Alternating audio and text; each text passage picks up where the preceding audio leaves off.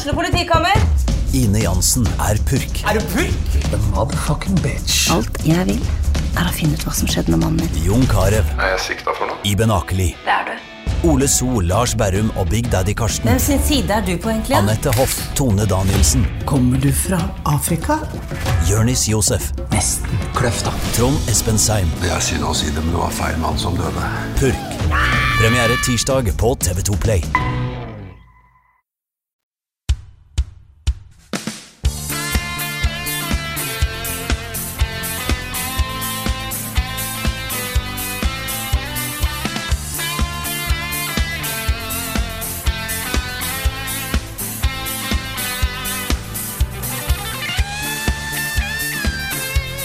Har vi vaska gulvet, og vi har bør i ved, og vi har skrudd opp heipen, for nå er det ikke E3! Hey! Altså, nå er det ikke E3, så ikke ikke etere. Ja. For det er jo på en måte etere, Ja. men det er ikke E3. Ikke E3. Nei, Så vi feirer ikke at det ikke er etere? liksom? Nei, Nei, okay. Nei, for da hadde vi ikke skrudd opp pipen. Nei, det er derfor jeg ble forvirra. Ja, det var litt forvirrende. Jeg liker at den har blitt bare hetende sted. Ja, ikke På engelsk er det not E3, ikke sant? og på norsk så er det da ikke E3. Ja, det er jo teknisk sett samlebegrepet Summer Game Fest, tror jeg. At de alle sammen er en del av det, på en måte. Ja. Men vi kaller det jo ikke det. Nei, nei, altså jeg vil ikke si at uh, altså Ubisoft-pressekonferansen er jo uh, ikke direkte liksom Nei, men jeg tror jeg har sett liksom Ubisoft som en del av den plakaten til Summer Game Ja, Fest. det kan egentlig tenkes når du sier det på den måten. Men jeg er ikke sikker. Nei. Nei, jeg vet at det skal nå skje da etter uh, den pressekonferansen, som vi kommer tilbake til i neste spalte. Den, uh, vi har ikke sett Summer Game Fest ennå, Det har vi ikke. Det blir litt sånn time travel-episode der. men vi skal jo se den etterpå, og så skal vi uh, lage da uh, ukens hotteste-spalten uh, da. Men jeg har i hvert fall sett at, uh, at i da kjølvannet av den pressekonferansen, eller showet, eller hva man skal kalle det, så er det massevis av sånne enkelte enkelt sånn møter og presentasjoner og behind closed doors-visninger av spill og, og sånne ting, da, som er på en måte knytta til Summer Game Fest. Um, det er mulig at jeg har fått litt innsideinformasjon om et par av de som jeg ikke har snakka om. Oi, er det så, ja, Oi, oi, oi. ja. Nå vet ikke vi hva Rune snakker om engang. Hva kan det være? liksom? Jeg. Men dette er podcasten Level Backup. Eh, I dag er det med meg, Karl Martin Oksnes, og ikke Frida Danmo, som er opptatt med doktorgrad. Med disputas om bare noen uker. ja, altså Hun har to uker til med doktorgrad. Ja. Greier. Mm. Og så er hun doktor. Så er hun doktor, altså. Doktor Danmo. Oh yes. Ja, Det blir rart. Det Du har alltid alltid jakta på doktor Danmo, Dalmo, liksom. Det er rart at du nå blir det. Og jeg tror ikke hun kommer til å bli ond heller. Nei, det hadde, det hadde vært twist. Ja, Det er ganske mange doktorer i spill og sånn som blir slemme. Ja, du kan jo gjøre en del kødd da med materialkjemi. Du kan, Hvis hvis Frida blir ond, så blir hun farlig. Ja, Ja. ikke sant? Mm. Det er litt skummelt. Det er litt skummelt. Men det er ikke bare meg. Det er jo Rune Fjell Olsen her, her. Det er meg. og Niklas Halvorsen. Ja, her er hello. Hello, hello. Vi skal lage podkast. Vi sitter og venter på første pressekonferanse. Vi kan egentlig bare hoppe i det, kan vi ikke det? Mm, Jeg har bare lyst til å nevne at vi sitter da i uh, sittegruppa utafor kontoret vårt. På kontoret i Oslo, samla. Det er ikke så ofte vi lager podkast fysisk live in person uh, lenger. Det er sant. Det er litt eh, dyrt å fly Frida helt ned fra Trondheim og, og sånn. Mm. Så eh, det, det er kos. Det er kos. Ukens hotteste. Da er vi over i ukens eh, hotteste. Vi har sett Summer Game Fest. Og vi er uh, voldsomt begeistret, er vi ikke det, over det vi har sett? Det avslutta på, et, eh, på en opptur da, for i hvert fall eh, halvparten av de som var her. Det gjorde jeg lente meg forover. ja, virkelig. Virkelig. Ja. Så langt jeg kunne. Men da hadde vi sett da 1 time og 55 minutter pressekonferanse før du da lente deg framover. Ja, Det var første gang jeg lente meg forover. Nettopp. Så det var, det var ikke så mange høyder utenom den siste. Nei. Men, eh, men den siste var veldig kul. Det var da selvfølgelig Final Fantasy 7 Rebirth. Mhm. Det var ganske kult å se. Ja, tidlig i 2024 ble det sagt. Det gjorde det. De har jo sagt det at det skulle komme til vinteren, Ja, så det, da stemmer jo fortsatt det, forhåpentligvis. da er det januar-februar. Ja, eller det er, det er vel fiscal year er vel noe, en ting. Mars, er ikke det? Ja, men det er ikke vinter. Mars er vår. Ja, riktig. Ja. Ok. Så jeg tror det um, er januar-februar. Men hva, hva, hva syns du? Altså, det var, dette var jo det store spillet på Ja. Summer Game Fest, eh, Karl. Vi er jo vi er jo flere i rommet som Ja, det er, kan vi jo kanskje introdusere. Ja, som er gira. Andreas, du er gira. Ja, det er jeg. Og Nick, du turte ikke å se på, for du har ikke spilt originalen. Nei, jeg måtte stikke ut, men jeg er veldig spent, altså. Ja. Nick, jeg har jeg har lyst til å spille originale Final Fantasy 7 med Nick. Ja. eh, bare for å, liksom, at du får oppleve det. Mm. Fordi det har vært et kjempestort spørsmålstegn hvor mye av originale Final Fantasy 7 kommer til å være i remake del 2. Fordi det de skjer litt shenanigans på slutten av remake 1 Mm. som hinter om at kanskje ikke det kommer til å være like trofast som starten var. Nei, skjønner. Men det var, jo, det var jo ting her som jeg kjente veldig igjen. Ja, det er veldig, De hadde flere sånne veldig ikoniske scener som man eh, husker godt fra originale Final Fantasy 7. Oh yes. Definitivt. Og så virker det som det er eh, Et annet spørsmål er jo hvor åpent det kommer til å være. Ja. Fordi eh, det er jo litt sånn Hvis de skal dele det opp i tre deler Men det er jo fortsatt et lite spørsmål, da. Det er det. Men, men det ser jo ut som det er ganske åpent i forhold til det første, i hvert fall. Mm. Ja, større områder i hvert fall. Mm. Det var, det var mye, mye mer bredde i veiene enn det det var i første den trange Midgard, liksom. Absolutt. Her er vi ute i uh, The Big Open World, som var en veldig sånn break fra starten i originalen. Mm. Hvor du plutselig kom ut på worldmappen. Nei, nå er det jo ikke Sannsynligvis er ikke et sånt worldmap på samme måte lenger. Nei. Men uh, spillet forandra seg veldig så fort du kom ut av Midgard. Og det kommer jo det her også til å gjøre, da, sannsynligvis. Og så kommer det på to disker. Ja, på to disker. Blir dette den nye tingen? Er det da neste store spillet blir liksom tre disker? Ja, fordi på PlayStation 1 Ja. så var jo originale Final Fantasy 7 var på tre disker. Mm. Mm. Og så kom Final Fantasy 8 og 9, som var på fire. Oi. Ja. Så kommer vi til å nå fire disker igjen, er spørsmålet. Ja, Ja, sånn, det er sant. Var det ikke noen av de der FMV-spillene som brukte Åh. Som hadde liksom sju og ti disker Jo, og det sånn? kan hende. Fantasmagoria har jeg liggende hjemme, faktisk, i originalversjon. Det Ja. er eh, sju disker. Det er veldig bra. Det begynner å bli mange steder. Ja. Mm. Nei, men eh, jeg tror ikke dette er et open world-spill. da Jeg tror ikke dette er Final Fantasy 15 eller uh, på det nivået, liksom. Nei. Jeg tror det fortsatt er en relativt lineær, i hvert fall historie. Mm. For det, det er jo Final Fantasy 7. Men, ehm, men at det blir mer åpent, litt mer fritt, litt eh, større områder, litt, eh, kanskje litt mer valgfritt rekkefølge du gjør ting i. Ja, Jeg er spent på det, altså. kjempespent. Og så er jeg veldig spent på hvor, hvor de stopper hen. Ja, ja det er jeg dritspent på. For det har jeg ikke snøring på. For det der kan være en ganske stort chunk av spillet, tror jeg. Ja. Hvis det er tre spill, så har de, de bruker sikkert mye tid på liksom slutten. Mm. Men det er ganske mye som må skje, for midtpartiet i Final Fantasy 7 er dritspennende. Det er det. Det er kanskje den beste delen av spillet, Ja. syns jeg.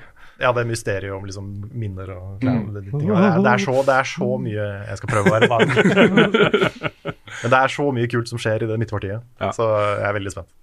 Det er jo litt da betegnende at, uh, at uh, det vi liksom sitter og snakker om er gira på, det var liksom en ting vi både kjenner til fra før, Mm.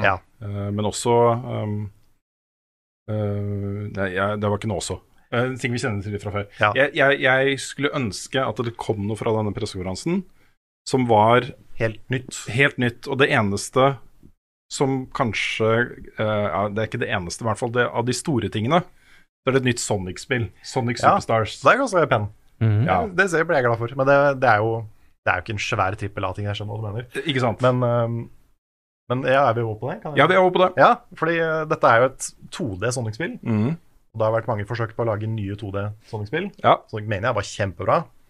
Men det her var, en, det var ikke en retro-stil, det var en ny stil. Som Men- hadde veldig sterke farger, veldig, også fire spillbare characters. Kanskje samtidig, så det sånn. Mm. Um, jeg håper at de har holdt liksom den gode Sonic-fysikken, for det er ikke alltid jeg har fått til den. Men hvis de får til den, og det ser sånn ut, så blir det her veldig bra.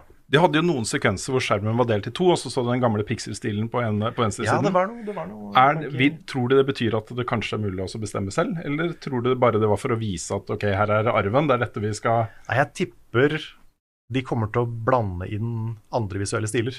Ok, For det, det var et par steder hvor det gikk inn noen sånne andre stiler òg. Hvor de ble til noen sånne rare skapninger og, og sånn. Mm. Så øh, jeg syns det, det så kult ut. Mm. Jeg ble litt, ble litt nysgjerrig. Det skulle komme da til høsten.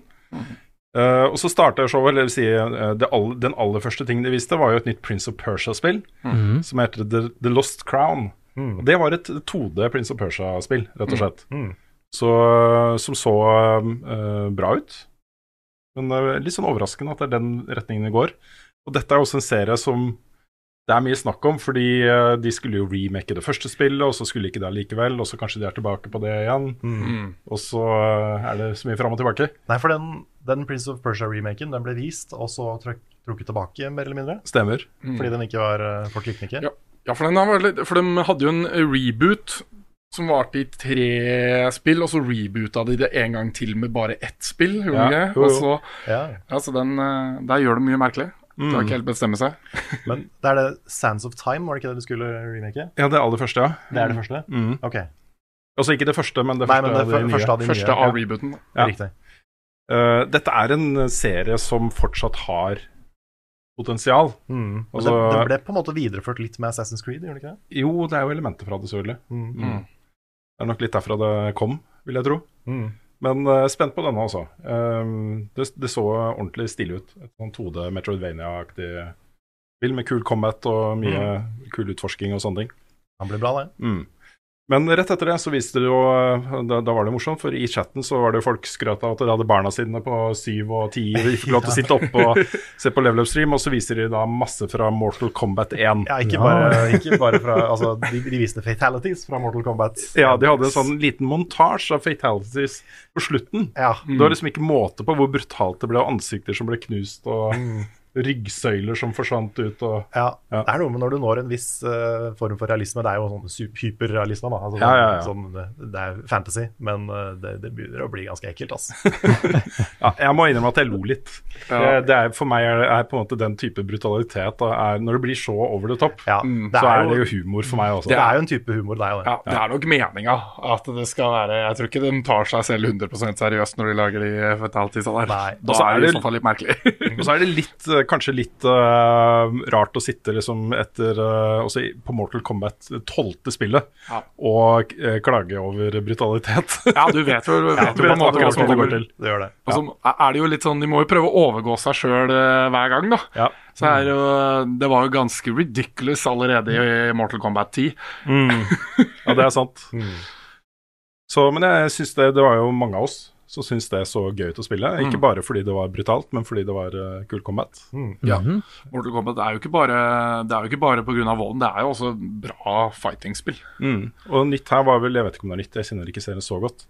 Men at når du setter opp en fight, så kan du ta en, en sidekick, som er en egen roster med egne rollefigurer. Og der er det potensial for å hente inn ganske mye kule um, greier, liksom, som egentlig kanskje ikke hører hjemme i et fighting-spill, men som kan gjøre det her, da. Ja. Du så jo folk komme inn med tasers og ja. diverse greier. Mm. Har de ikke allerede avslørt noen sånne Mortal Kombat uh, side characters som skal være med? Homelander og Stemmer det. Homelander òg, ja. Ja, ja. Det er kult. Han hører eh, godt hjemme der, han. passer inn der. Og så fikk vi en lanseringsdato for et spill eh, vi i Level Up har snakka mye om og gledet oss lenge til, nemlig Lies of P. Ja, Ja. Demo er ute nå, Demo er ute nå, faktisk. nå kan man teste det. Mm, jeg har, Se det er eh, kommer til å sette meg ned med det i helgen også. Ja. Dette er jo et eh, spill vi syns ser bra ut mye, fordi bare spillet i seg selv ser bra ut, men også fordi hver gang vi ser det, så ah, det er litt sånn som ja, Bloodborne, det dette ligner litt på Det Bloodborne. Det, på. Bloodborne. det skal ikke mer til noen ganger. Nei, jeg endte faktisk opp med å kaste penn på det, for jeg syns det så ganske spennende ut. da Ja, ja. det. Og jeg har også kasta penn på det, og det tror jeg jeg har gjort nesten hver gang jeg har sett det. Ja, det har jo fått på en måte kallenavnet Pinocchio Bloodborne. Ja, ikke sant? ja, og for, hvis ikke du vet det fra før, så P1, da. Ja, det er Lies Pinocchio. P, det er Pinocchio. Ja, det er et spill om Pinocchio. ja, ja, ja, Det gikk opp et lys for uh, Nick. Mm. Og så er det siste store tingene jeg har satt opp, eh, og så går jeg bare kjapt gjennom resten av lista etter det. Mm. Alan Wake 2. Mm. En uh, utrolig stilig gameplay-demonstrasjon. Mm. Hvor du er da en FBI-agent på, eh, på jakt etter en, eh, en seriemorder. Kommer til nytte, og det er noe supernatural-greier og sånt. Og først en hjort, og så en hjort til. Mm. Og så sier hun 'hva har du gjort?' Og så Ja, gjort, gjort er gjort. Så, Wow. Nei, men Dette så veldig veldig bra ut, altså. Det så, øh, jeg har så høye forventninger til det spillet her. Og Det, du møter jo nå et Remedy med bøtter av selvtillit etter Control. Vunnet haugevis av priser. Fått kjempegode anmeldelser. Solgt ganske bra. Ja.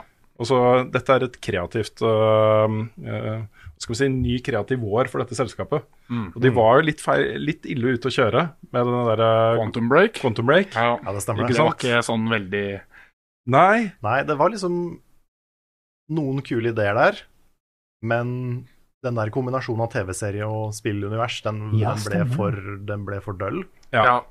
De er ikke de eneste, eneste spillene som har prøvd seg på det, faktisk. Nei. Det var jo sånn Defiant eller noe sånt, en eh, MMO som også hadde en serie til. Som mm.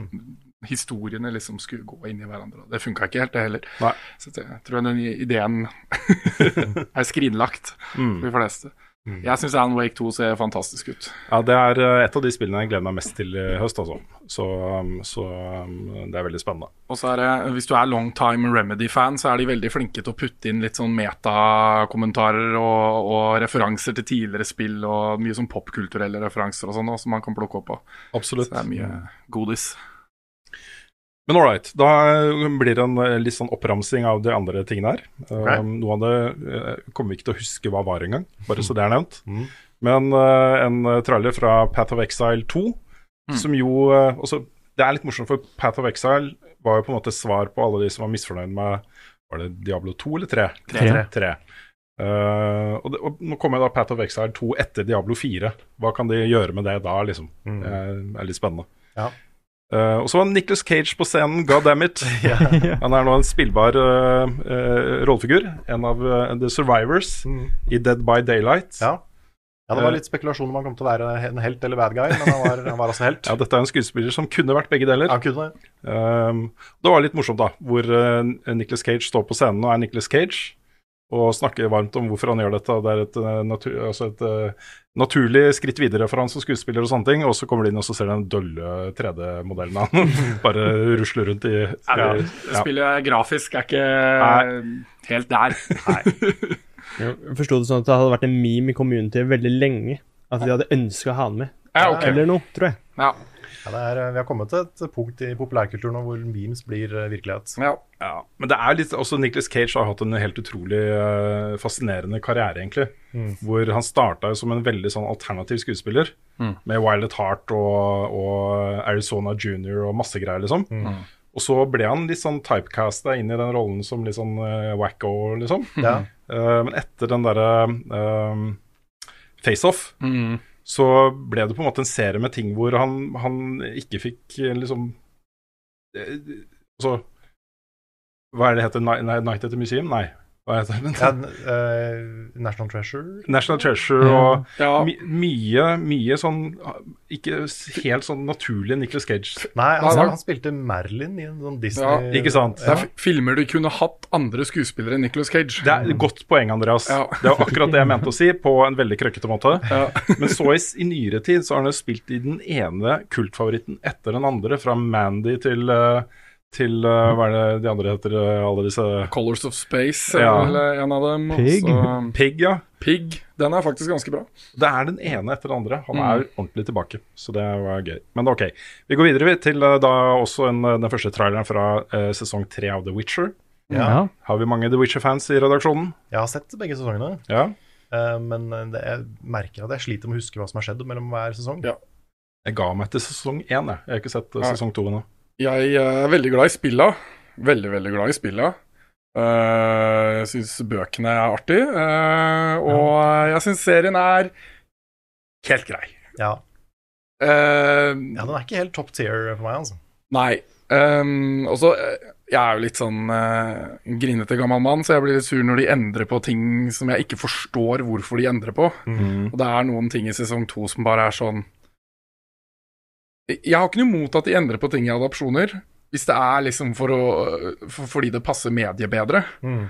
Men når det bare ikke Det virker ikke som det er noe logisk grunn til det, annet enn at de bare har lyst til å endre på det. Endre for å endre. Ja, endre for å endre. Så jeg, og når Henry Cavill har dratt, så er jeg ikke så veldig hype på sesong tre, skal jeg være ærlig.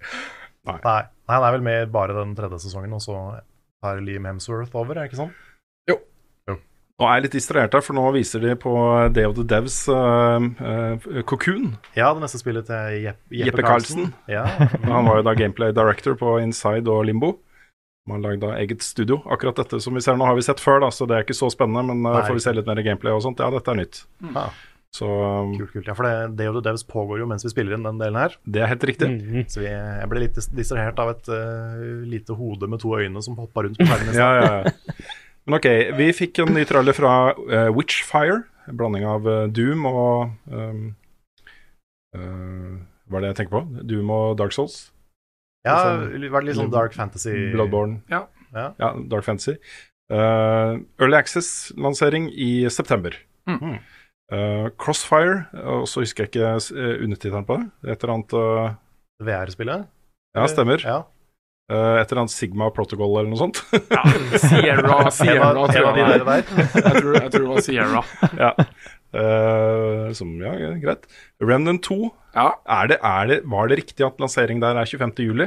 Er litt usikker. Dere, dere sa 25. juli. Jeg fikk det ikke med meg. Det sto på skjermen, men jeg Ja. vet ikke om det var bare mer informasjon 25. juli, eller om det var lanseringsdato. Så, Eller Early Access, eventuelt. ja. Nei, jeg tror ikke det Nei, jeg tror ikke heller. Men vi, vi kan jo la, eh, la det være en oppgave for lytterne våre, at eh, dere kan google det. Ja. Kan google det, Om det er eh, faktisk. En live correction, kanskje, hvis noen. Eh, vi fikk se en ny trailer fra Honkai Star Rail. Ja. Det er nye spillet til utvikleren av Genshin Impact. Mhm. Eh, Det er vel allerede ute? er det er på PC. Ja. Ja, ok. Dette var PlayStation-datoen. Eller datoen fjerde kvartal. Og så kommer det en, eh, et nytt spill fra en, eh, en manga Ja. som Mm. heter Sandland. eh, Nick, hva er dette for noe? Det er en korthistorie som er skrevet av Akira Toriyama. Han har lagd Dragon Ball og sånn. Og jeg, jeg sa jo det når vi så det, men jeg syns det er så gøy at den fikk et spill før en anime, liksom. Mm. Pleier å være motsatt. Mhm. Nei, men jeg lurer på hvordan det kan bli et helt spill av den, for det er en ganske kort historie. Ja. Men, det, men det er kanskje den overraskelsen jeg likte best, da, fra Mm. konferansen. Men det var level 5, ikke sant? Ja, var det Ja, ikke det? det. Ja. De er ganske dyktige, de. Ja, De er flinke. Mm. Altså, og det var en hyggelig overraskelse. Chatten bekrefter at det er 25. juli, altså. Ja. Det er et spill jeg gleder meg til. Jeg har lyst til å spille coop med deg, Andreas, for du er den eneste jeg kjenner som er ordentlig gira på det. og jeg, jeg også likte, likte det første spillet godt også, selv om jeg ikke har spilt det ferdig. Nei, Så- det er eh, hvis, hvis de på en måte klarer å finpusse det de har fra eneren, lage litt mer varierte environments, uh, bare litt mer polish, så er det fort en nier, i hvert fall, altså. Ja, det er uh, store ord. Ja. Mm, jeg syns Cocoon ser bra ut her. Det gjør det. Aha. Det, dette er bra radio. det er mer, mer farger enn det var i både Limbo og Inside til sammen. Ja, det er et veldig spennende farge, fargekart. Mm. Uh, hvor uh, det, det, det ligner på en måte ikke på alt annet. Fargebruken. Det er veldig OK. Uh, Warhaven har jeg skrevet, og jeg aner, jeg husker ikke hva det er. Warhaven. Nei, det var det som så ut som mye annet, holdt på å si. det høres også ut som mye annet. Ja. Ja, OK, greit. Da går jeg Ja, videre. jeg husker ikke hva noe mer. Det var en ny Warhaven, trailer. hva var det igjen, da? Ja, det går en ny trailer, uh, var en ny trailer for Party Animals, som er ute i Early Access. Ja. Nå, det fikk vel en dato, det noterte jeg meg ikke, men uh, det, det er vel da på vei. Det er på vei. Og så da en, en trailer uh, for et spill jeg er veldig gira på å spille. Warhammer 40K Space Marine 2, hvor de viser fram en co-op-trailer. The Big Boys. Ja, det er jo da co-op for tre spillere, og dette så, uh, så veldig fett ut, Også. Det, det ser faktisk dritkult Ja, det ser kjempegøy ut. Det ser litt ut som return to eh, liksom old school Gears of War-aktig co-op Oh, ja. gameplay, bare mer moderne teknologi. Mm. Eh, yes, Your Grace står der, og dette var jo det vi spillet vi trodde var et nytt Kingdom-spill. Ja, det så helt likt ut som Kingdom. Det gjorde det. Det var uh, en slående lik stil. Mm. Det så veldig spennende ut. Mm, det Ja, det så ut. veldig pent ut. Jeg fikk en penn av meg til slutt når jeg innså at jeg ikke måtte spille de andre Kingdom-spillene for å spille. Mm.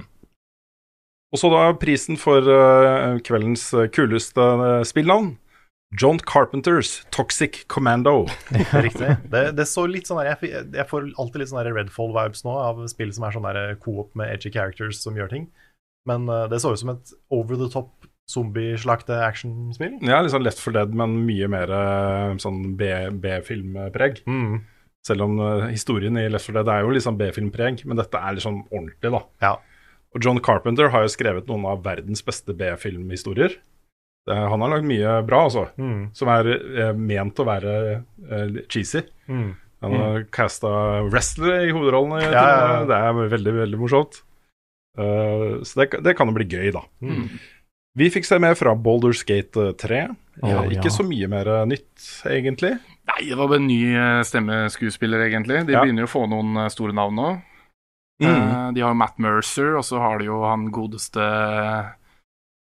Åh, han som spiller Lannister eh, Hva heter han igjen, da?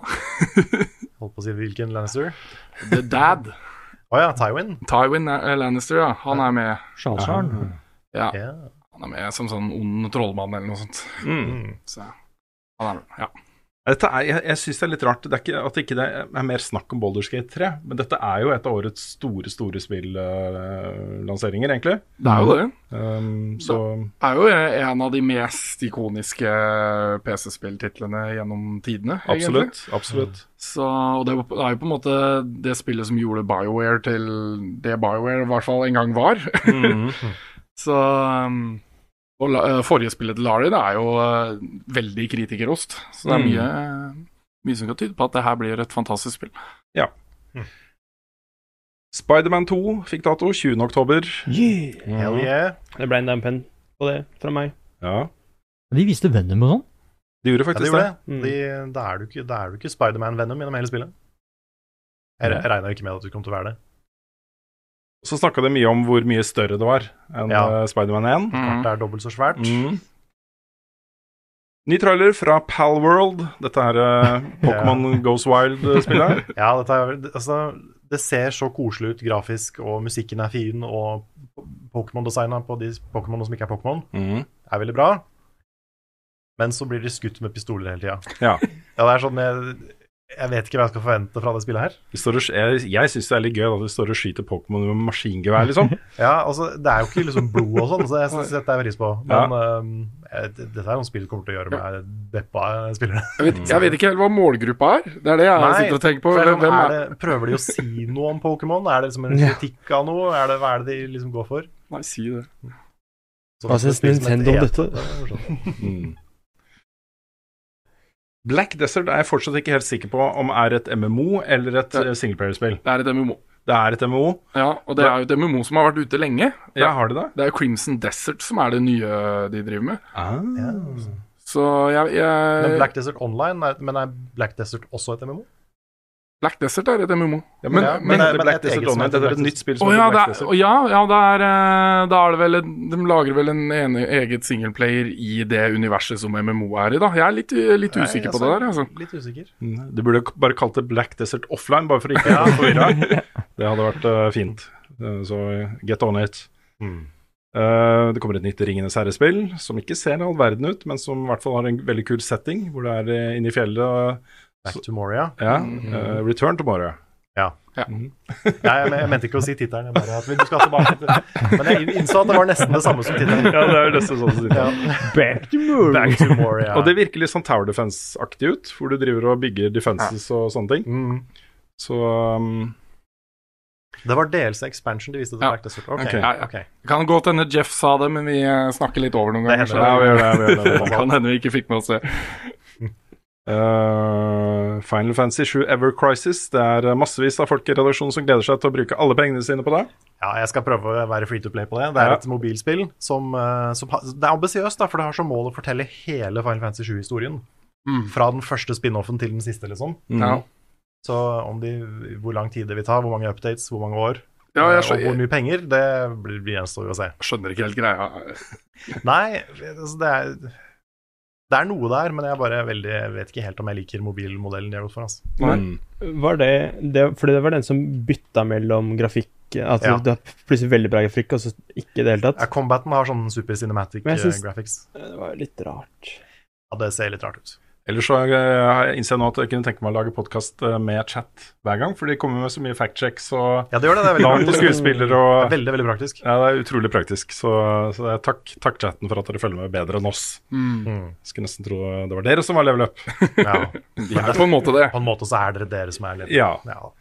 Og så er vi veldig veldig spente på det neste spillet til Dontnod, som heter Banishers Ghosts of Eden.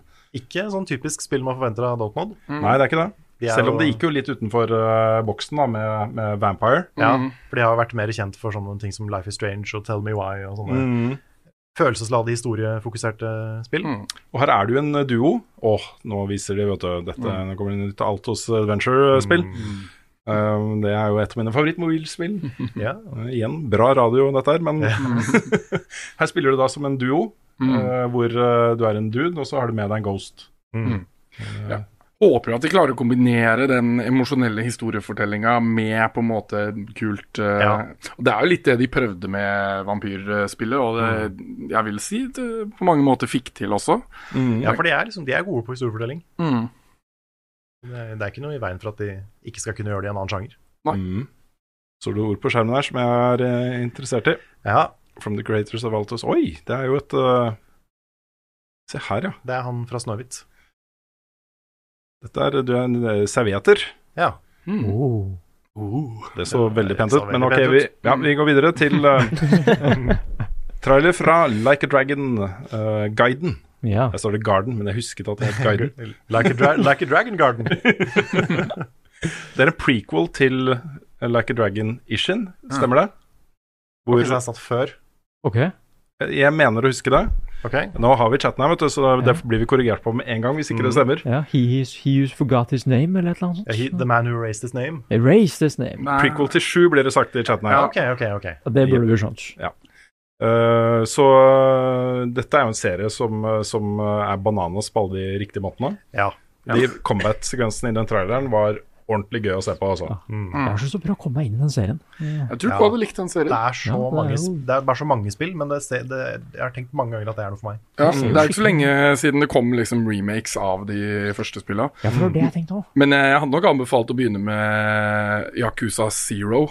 Ja, der ser du. Ja, Yakuza Ja, Zero er det er, mange som, det er mange som sier det, Mm. og så er det noen som sier nei, absolutt ikke gjør det. Oh, ja. Så jeg blir sånn usikker. Ja, for jeg har hørt at det er litt Star Wars-prequels her. Liksom, På åssen du bør spille det. ja. Ja, Det er sikkert forskjellige meninger om det. Eh, det er det jo på Star Wars, og du har jo Machete Order og Ja, ja, ja. alt mulig rart. mye forskjellig. Men eh, jeg personlig eh, tror eh, Zero er et bra sted å starte.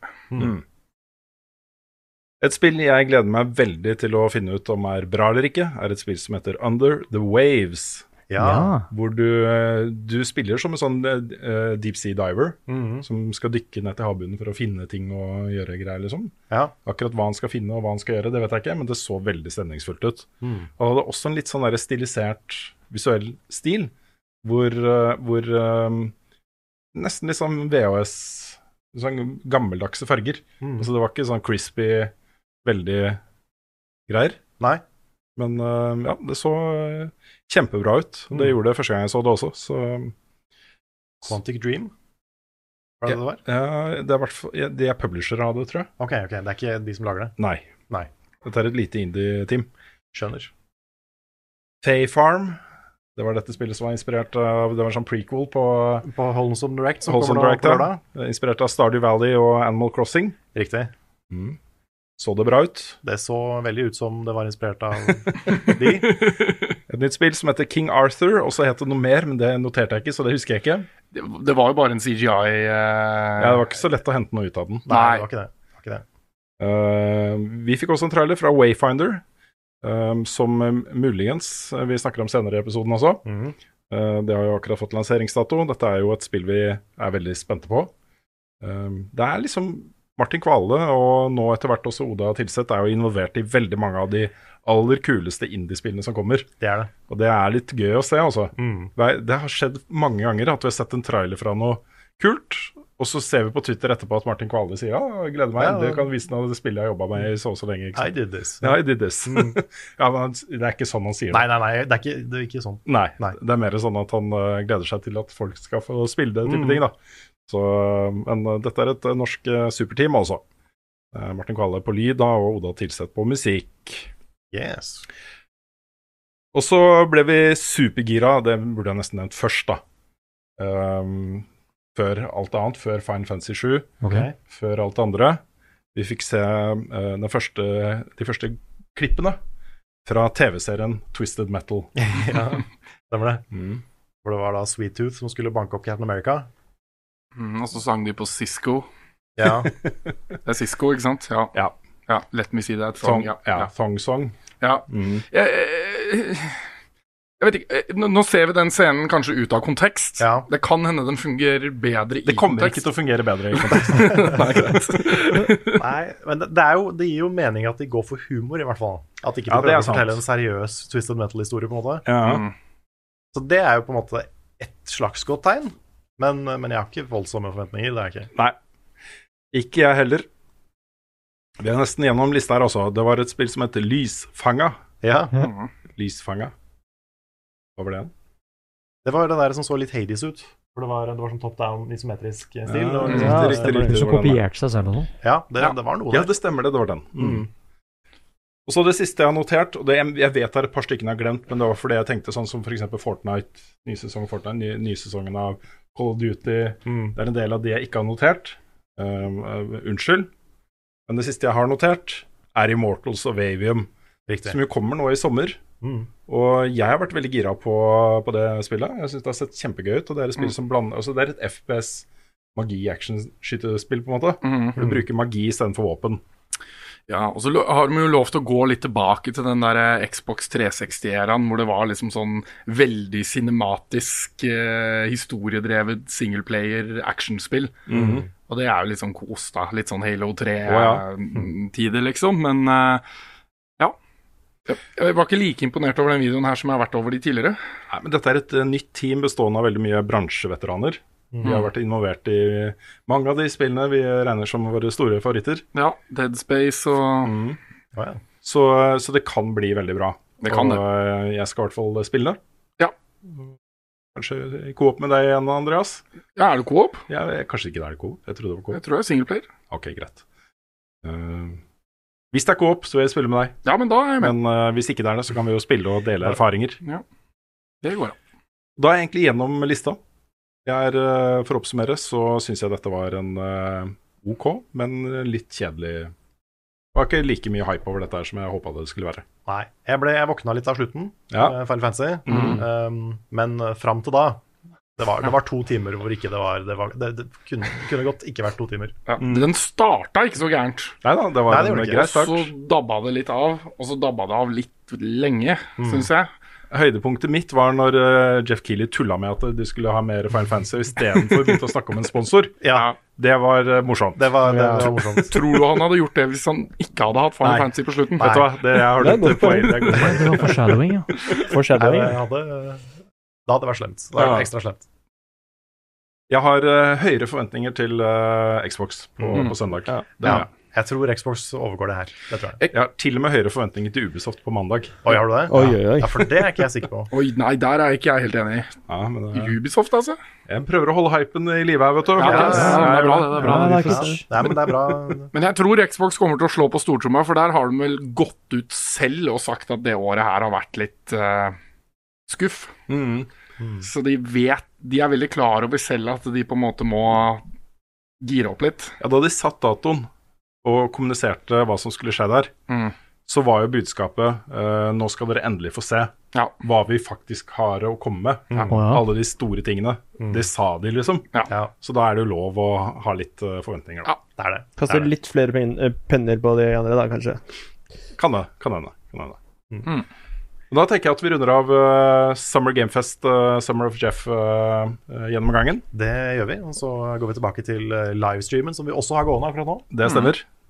Da skal jeg klippe, og så forberede meg til, eh, til eh, Devolver Digital. Yes. Så jeg får jo ikke med oss nyhetene derfra i podkasten, dessverre. Nei, det gjør vi ikke. Det vi Det kan hende at det kommer noe stort der, fordi Devolver har gått fra å være en veldig sånn nisjegreie, mye kule ting med Hotline Miami og, Mm. og sånt, til å faktisk ha noen av de virkelig store og flotte um, indiespillene, og ikke bare de der kjempevoldelige greiene heller. Nei, det er sant. De har, eh, de har mye, mye gøy.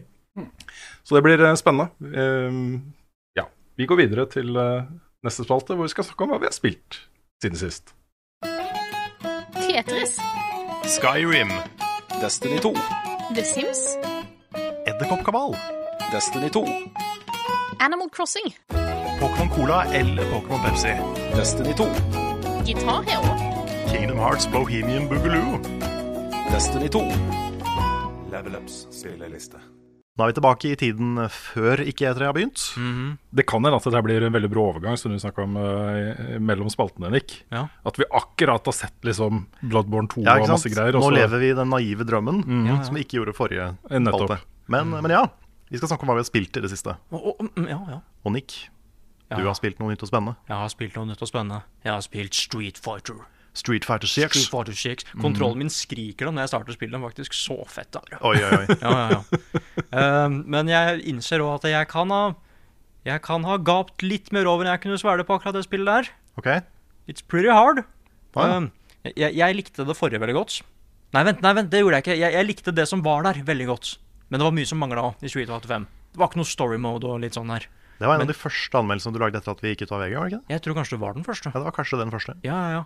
Ehm, og det som var da, var at det, Men jeg likte det veldig godt, for jeg følte at eh, jeg har spilt mye Street Fighter, men jeg har ikke blitt noe særlig god i Street Fighter, og derfor likte jeg femmeren, fordi jeg følte at det var litt greit for nye fans, liksom. Men så har jeg liksom lest etterpå at eh, prosa liker jo ikke helt det. At de har dømma det ned litt. Så jeg tenkte at hvis jeg da hopper inn i det her nå da, så kommer det til å gå ganske greit, ikke sant? Fy fader, altså, folk er så gode i det spillet. Det er helt krise hvor gode de er. Men jeg har hørt at online-modus er bra. Ja, Også, fordi om, når jeg ikke dør, så er det dritbra. Liksom. Det er skikkelig stabilt. Eh, Jeg husker liksom de første dagene etter det forrige spillet. Da gikk ikke, det gikk ikke an å spille online, nesten. Fordi servera og bare ja, Lykke til med å gjøre komboer da, liksom. Men her funker det helt fint. Du har liksom en egen sånn gamehub hvor folk kan prate med hverandre og sette i gang dueller selv og sånn.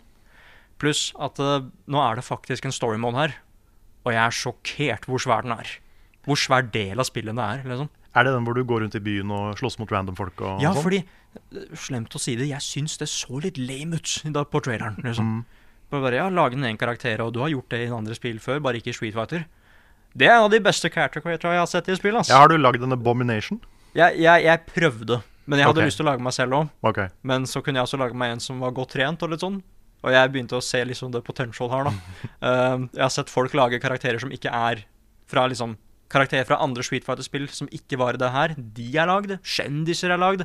Og ja, masse abominations, blant annet. Smeagol er overalt nå, jeg vet ikke hvorfor. Liksom. Uh, nei, så jeg lagde meg selv. Og den har satt standard på character creator for meg. Du har kontroll på alt av karakteren. Det er skikkelig, skikkelig kult. Og pluss at hele story-moden er lagd for at du er, masse av gameplay er låst på starten. Ikke bare at du, du kan ikke gjøre det, du bare vet ikke om det. Men så blir du gradvis liksom fortalt det gjennom historien. Da. Det er en faktisk helt perfekt måte å lære seg Street Fighter på. Og det er bra, for jeg hoppa midt i online først, og det skulle jeg ikke ha gjort. uh, nei, og så er det et eh, moderne, et moderne kontrollsystem. Så de der rare knappene du trenger for å trykke for å gjøre special moves, det er bare én knapp nå, liksom. Så kan du fokusere på komboer og sånn. Ja, er det, er det sånn med alle komboer? At liksom, du kan holde inn en knapp for å gjøre kombo lettere og sånn? Er det en ting? Ja, det er en ting. Men Eh, det funker ikke når du spiller online, eller? Jo, det funker mens du spiller online. Uh, ulempen er at uh, du får en litt sånn der damage reduction av det. Å ja. Uh, så det er på en måte balansen, pluss at eh, du har ikke tilgang til alle angrepene til karakteren for å gjøre det lettere. da. Fordi vanligvis så er det tre knapper for slåing og tre for spark sparking, liksom, så du kan mikse mellom de. Mens her har du kanskje bare to, liksom, som kobles i de komboene. Men det er helt utmerket hvis du ikke har spilt det før, liksom. Og du har vært redd fordi det ser ganske avansert ut. Så kan du starte der, og så kan du gå til classic controls seinere, da. Når du begynner å få litt teken på det og sånn. Mm. Nei, så jeg er uh, Igjen, jeg, jeg blir helt wrecked online. Jeg, jeg, jeg, tro, jeg trodde jeg, jeg syntes jeg var litt god først, liksom. Men jeg, folk er så utrolig gode i det spillet. Da har jeg et tips til deg, Nick. Ja. Det blir litt plugging da, av Ja, ja. et uh, opplegg uh, Espen og jeg var på på lørdag. Ja, stemmer. stemmer. da var det sånn Street Fighter 6-turnering på Eldorado. Arrangert da, av eh, Emil, som jobber på, på Eldorado også, men han er også eh, veldig aktiv i norsk fighting-spill-community. Mm. Og har lagd eh, på en måte Han er eh, drivkraften bak det som da heter streetfighter.no. Egen Discord-server og sånne ting. Og der har de mentorprogram og tar imot nykommere med åpne armer og veldig villige til å lære bort tips og triks og sånne ting. Mm. Uh, et tips nummer to er at uh, Veggie, som er en, Norges nest beste Street, Fighter-spiller uh, Beste er jo Finom, uh, men de spiller jo på samme lag. har lagd en guide på engelsk på sin YouTube-kanal til hvordan man kommer inn da, i Street Fighter 6 som nybegynner. Og han går veldig sånn pedagogisk til verks og snakker om det liksom helt enkle. Han starter med å si ha en gameplan, liksom. Eh, Du, du skal gjøre sånn og sånn og sånn, og så eh, veldig enkel gameplan. Mm. Og så tar han det videre derfra. da. Ja, kult. Så det er to tips. Ja, fordi det Smart. er Å, sorry. Skal du si noe?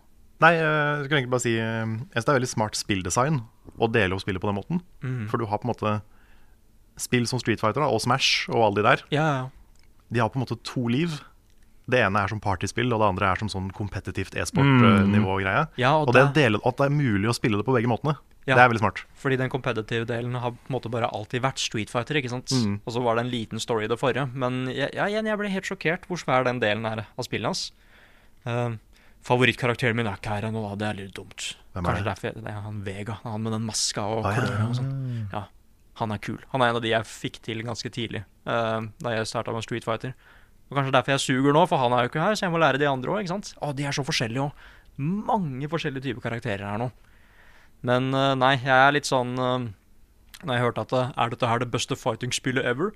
Ja, kanskje det er det. Og så sitter jeg der og bare ikke får det til i det hele tatt, liksom. Uh, så jeg gikk også inn på tutorial. Bare en kjapp historie der. Bare sånn Og den starter veldig rolig. Bare Jeg har jo spilt det litt før, så jeg kan ta på advanced tutorials, liksom. Og det starter sånn at eh, hvis du trykker på stikka, så går du. Ja, det, det er kult. Og bare Jeg er ikke tre år, bare dette er viktig, for dette er det du må også gjøre for å komme deg ut av engage ice smash, ikke sant? Bare OK, greit. Jeg skal, jeg, skal, jeg, skal, jeg skal la deg prate nå. Sorry for at jeg Sorry for at jeg snakka det på tutorialen. Det er den derre how to draw characters, og så er det liksom først en sirkel, og så en sirkel med to sirkler inni, og så er det hele figuren. Nei, og jeg, ja, for jeg trykka liksom bare ah, skip to-tre her, for dette er jo bare easy-peasy. Men da har de allerede gått gjennom masse mechanics som bare Oh, shit. jeg skulle ikke hoppe over det, nei. Eh, men nei, det Jeg vet ikke, de har på en måte Det ser ut som at de har gjort alt riktig her, da, for en oppfølger, liksom. Og i hvert fall for å få inn nye folk. Mm. Så jeg er spent på det. ass. Det er, øh, det er svært, og jeg føler at jeg må bli litt god først før jeg lager en skikkelig anmeldelse. Men så langt så er jeg veldig positivt overraska. Det var veldig eh, mye positive folk på den Street Fighter-turneringa også. Det virker som dette er et, eh, et spill som, som de som er litt mer hardcore, da, Mm. eh, har tatt veldig godt imot. Eh, Og jeg mener jo at et sånt spill som dette her, om det er Street Fighter eller om det er Tekken eller eh, Mortal Kombat eller noe sånt, har så mye større potensial enn det har klart å hente ut foreløpig. da. Mm. Som en, en kul e-sport å se på uh, og delta i. Så um, stemninga der, i hvert fall på Eldorado på lørdag, var at eh, dette kan være det spillet. Mm. Det gjør meg litt uh, nysgjerrig og interessert. Altså. Nei, men, Ja, men det er det. Altså. Jeg, jeg kunne liksom ikke Jeg kunne ikke liksom satt meg ned med broren min og spilt de andre Street Fighter-spillene, fordi de er så Det er feil å si hardcore, men de er litt det òg, da. Du må vite nøyaktig hva du gjør. Men her så kan vi det, da, pga. de nye kontrollsystemene og sånn. Mm. Så it's, uh, it's pretty cool. Det er sikkert mange som lurer, men blir det en anmeldelse? Ja, det blir en anmeldelse. Jeg må bare Vi Uh, Vi fikk ikke kode tidlig, så jeg er med alle de andre på launch, liksom. Jeg har lyst til å nevne det også kjapt, uten å gå i detalj på det. Så, så var det sånn at eh, vi fikk jo tilbud om å få spillet tidlig. Mm. Men noen ganger så er det litt mange begrensninger på hva vi får lov til å snakke om og ikke får lov til å snakke om. Og her ble lista litt for lang, og jeg skjønner jo at det er sånn, fordi Mm. uh, som du nevnte, det er utrolig mange characters her. Noen av de har vært hemmelige helt fram til lansering, Uh, og det er mye i spillet da, som de har holdt tilbake. Eh, Men den lista ble rett og slett for lang. Jeg ville ikke pålegge deg å sitte med en sånn liste over ting du ikke fikk lov til å snakke med når du lagde anmeldelsen. ikke sant? Mm. Mm. Så da sa jeg at jeg beklager, vi kan ikke gå med på dette, og da fikk vi da ikke spille før eh, lansering. Nei, og jeg har lest et dokumentet, og det, det, det var bra for deg. Den var litt skummel. eh, var Ja, det var litt mange fallgrubber og Ja, ting ja. å være bekymra for der. Det er litt av noen av de der, altså. Ja. ja. Men er så, er så langt. Og så ser det bare skikkelig kult ut. Jeg digger stilen på det. Ja, den stilen er kjempekul. Så, så ja, det er det jeg har gjort. Street Fighter. Og så er jeg straks ferdig med Selda. Det er egentlig det. Så jeg må bli Ah, ferdig med det først før jeg sier hva jeg syns. Vi må få lagd en spoilercast. Ja. Jeg har en Ja, ja. mistanke om at den spoilercasten blir oss tre. Jeg Mm. vet ikke hvor langt Frida klarer å komme seg før eh, sommerferien. Nei, jeg vet ikke. Nå er hun opptatt i noen uker òg, så vi får se. Mm. Mulig vi får ta den, vi tre. Ja. Hvis du er klar etter hvert, Nick. Ja, jeg er med på det. Jeg tror bare ett oppdrag igjen. Liksom. Ah, Mm. Kult. Jeg er spent på hva du syns, ass. Ja, samme her. Fett. Ja, skal vi gå videre? Jeg kan ta veldig kjapt hva jeg har spilt. Det vil si, eh, jeg kan ikke snakke om det jeg har spilt. Nei. Det Mesteparten av det jeg har spilt, for det, det får jeg ikke lov til ennå. Nei. Men det kommer vi tilbake til seinere. Mhm. Men jeg kan snakke om en annen ting. Og det er at jeg har spilt den nye patchen til Final Fantasy 14. Ja. MMO-et. Ja, ja, ja, ja, så klart, ja. Som eh, da The Nights of Billeba have returned. Og vi, eh, hver gang det er et nytt eh, raid, så hopper jeg på en måte tilbake i spillet for å være med på det. Det var sånn du spilte Destiny en periode også. Ja, men jeg, er- jeg er Før du ga deg helt. Ja, men det, det er sånn her Jeg skulle ønske litt at jeg var sånn hardcore MMO-gamer. Mm. Som hadde ett spill som jeg alltid spilte. Ja. Men det har jeg ikke. Nei. Det er sånn, Jeg syns Final Fantasy 14 er gøy, men det å gjøre det samme raidet åtte uker på rad for å få max gear, det syns jeg ikke er gøy. Nei. Så det, der mister på en måte MMO-er meg litt, da. Mm. Ja. Men jeg lurer på hvordan det hadde vært hvis du hadde starta med Final Fantasy nå. Du hadde ikke spilt noe av det, liksom.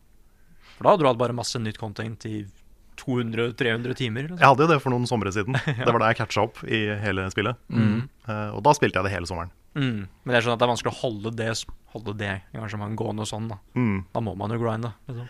Ja, sant. Men um, Nei, det er jo uh, hver, hver patch har en ny eh, historiedel som er ganske kort. Som er sånn fire timer med story, og så er det nye raids. Um, jeg har vært litt spent på de patchene som har vært nå etter Endwalker, for det var på en måte Avengers endgame for hele historien. Mm. Sånn ti år pluss med story ble avslutta i Endwalker, liksom. Mm. Så etter Endwalker så har det begynt på nytt med en ny historie. Ok. Som handler om mye av det samme, men det er nytt, da. Ja, The Multiverse. Nei, ikke Multiverse Saga. Ikke ennå. Eller Jeg kan ikke si jeg burde, jeg burde, Det her burde jeg ikke snakke om. Men, eh, men eh, Multiverse confirmed. Det, kanskje, altså det, er, det har jo vært et multiverse hele veien, egentlig, i Final Fantasy 14. Det er flere, flere varianter av verden. Mhm. um, men Oi, jeg hørte en høy lyd. Jeg bare Kanskje ståler, det er så jeg glemte hva jeg skulle si. Kanskje det er nissen? Kanskje det er nissen. Ja, vi er alene på kontoret, så Ja, vi er det. Mm. Um, men det de gjør nå, da, som ikke de har gjort før, det er um, at de i mye større grad drar inn ting fra andre Final Fantasy-spill. For det har vært en del sånn uh, nods og referanser og fanservice og sånn før. Mm. Men de har skrudd opp enda mer da, nå etter Endwalker. Mm. Så nå er det veldig sånn tydelige, direkte referanser til Final Fantasy 4 spesielt. Oi. Som uh, det også var i Endwalker, men enda mer nå etter Endwalker. Da. Hmm. Så jeg er, jeg er litt spent på hvor det, hvor det går. Hvor det er på vei. Jeg mistenker at jeg vet hvor eh, neste expansion skal foregå. Ja. For den kommer jo nå De har ikke sagt noe om når den kommer, men, eh, men den kommer jo, tipper jeg, etter Det er én patch til, og så en sånn halvpatch, og så kommer en ny expansion. Ple Som pleier det å være. Hmm. Så jeg tipper neste år. Ja. Kanskje starten av neste år. Ja. Men, near uh, igjen. hmm? Det er near Det er, near, det er, hel expansion En- bare ja, er near. En near expansion pack, ikke sånn Ja. en patch, liksom. En svær pack. Kult. Plutselig så skjer det, vet du. Ja. Ja, ja nei, det, um, men det blir spennende å følge det spillet framover. Så er det jo nye raids. Og det som er, jeg syns det er vanskelig å følge med, fordi raids har også en historie. Men det er jo sånn et halvt år mellom hver gang den historien fortsetter. Ja. Så jeg husker jo ikke en dritt av hva som har skjedd. Ja. Så jeg, det sånn, Jeg blir introdusert til noen karakterer som jeg husker at var der. Men jeg husker ikke hvem de var, og forholdet de hadde til hverandre. Og han ene tror jeg er pappaen til han andre, og så er mora Ja. deres et sted. Og så, det er sånn Ja, det er World of Warcraft. Så ja, det var, Den historien var helt umulig for meg å følge. Den er sikkert bra, men jeg bare klarte ikke å henge med. Nei. Men Raida var kule, da. Ja. Det er veldig kule fights, alltid hyggelig å spille med, med Billeba-gjengen. Så jeg er fortsatt i 14, i hvert fall når det kommer nytt content. Jeg er ikke så veldig aktiv når ikke det gjør det, Nei. men, eh, men jeg følger med. Fortsatt, eh, fortsatt glad i det spillet. Kommer til å være der når expansion kommer. Kult. Da kan jeg ta over. Vi, eh, jeg snakka jo en del om Diablo 4 forrige uke, men da hadde jo verken jeg eller Svens anmeldt spillet. Vi eh, bestemte oss for, selv om vi da hadde 30-40 timer i spillet eh, i den review-perioden som var, eh, så ville vi begge to se hvordan dette spillet var live. Da det var da sånn pre-launch fra eh, natt til 2. juni. Så vi har jo sittet gjennom helgen begge to, og jeg leverte jo min anmeldelse på eh, mandag morgen. Eh, Svens eh, var ute da sent tirsdag kveld med sin anmeldelse, og vi ga det jo samme score. Hmm. Jeg endte jo på terningkast fem, og han på åtte av ti. Og jeg har lyst til å bare si det at nå, nå har jeg jo grinda meg gjennom spillet for, eh, for andre gang. Kommet til level 50, um, skrudd opp til World Tier 3. Og det som skjedde da, var at eh, for, Også for å kunne skru opp til World Tier 3, så må du gjøre en, eh, en sånn capstone dungeon som blir tilgjengelig da. Og det er det, liksom det soleklart mest vanskelige innholdet i det spillet som jeg har vært borti til nå. da. Det er helt kriminelt hvor mye vanskeligere det var. Jeg prøvde aleine, og det var liksom jeg kom meg til siste bossen, og det er kjempesvær dungeon. eh, og fikk bossen ned til 30% ca. to ganger. Men jeg måtte bare gi meg. Jeg hadde ikke nok damage output. Så jeg sendte en melding til Svens i dag. Og sa kan du hjelpe meg? Og han er jo litt lengre i løypa enn meg. da Han har liksom vært på tier 3 en stund. Og vi gikk inn der, og vi hadde ca. to timer hvor vi gjorde liksom det ene tier 3 eh, level 50 pluss-greia greia etter den andre. Nightmare Dungeons og sånne ting. Jeg har ikke Altså, det er ikke i nærheten. Det er så mye kulere enn alt annet jeg har gjort i Diablo til nå. Det er de to timene vi hadde sammen nå, Mm. uh, med sånn endgame-greier. Herregud, det var fett, ass. Det var helt kriminelt. Og han Det er sånn at når du kommer til level 50, så merker du hvor underlevela du er for tier, World Tier 3. Og så gearet ditt Jeg har ikke høy nok uh, damage output og sånne ting. Uh, Svens har jo jobba en del med det og fått litt bedre våpen og sånt. Og det å se han bare valse gjennom det som jeg hadde stått der som en redd liten hare, og bare løpt unna når jeg liksom hadde gått tom for helseitems og sånne ting, ikke sant det, det jeg brukte nesten to timer på, valse gjennom på 20 minutter, uh, Svens og meg, da. Ha. Det er, men det er så deilig å ha en sånn. Ja, fy fader, altså. Vi, jeg har, vi har en sånn i 14 òg. Daniel, som er uh, Dungeon Daddy. Og det er, det er så fint å ha en Dungeon Daddy altså, som bare kan guide deg gjennom. Mm. Jeg må dessverre legge det bort eh, litt nå, da. Nå har jeg vært veldig fokusert på Diablo 4 siden 2.6. Jeg har andre ting jeg må gjøre. Eh, Men dette her kommer jeg til å spille lenge også. Og nå er jeg level 50, og planen er å ta min eh, Worldwind Barbarian opp til level 100. Eh, Og det er eh, Det gleder jeg meg skikkelig til, også. Det er altså så eh, Også disse her world-bossene og sånne ting, hvor det står ikke sant, teller ned. da Mm. Og Nå er det 15 minutter til world-bossen kommer, ikke sant. Jeg reiser bort dit. Der står det ti stykken, og bare De er så dirrer av det, Bossen skal vi ta! det blir fett!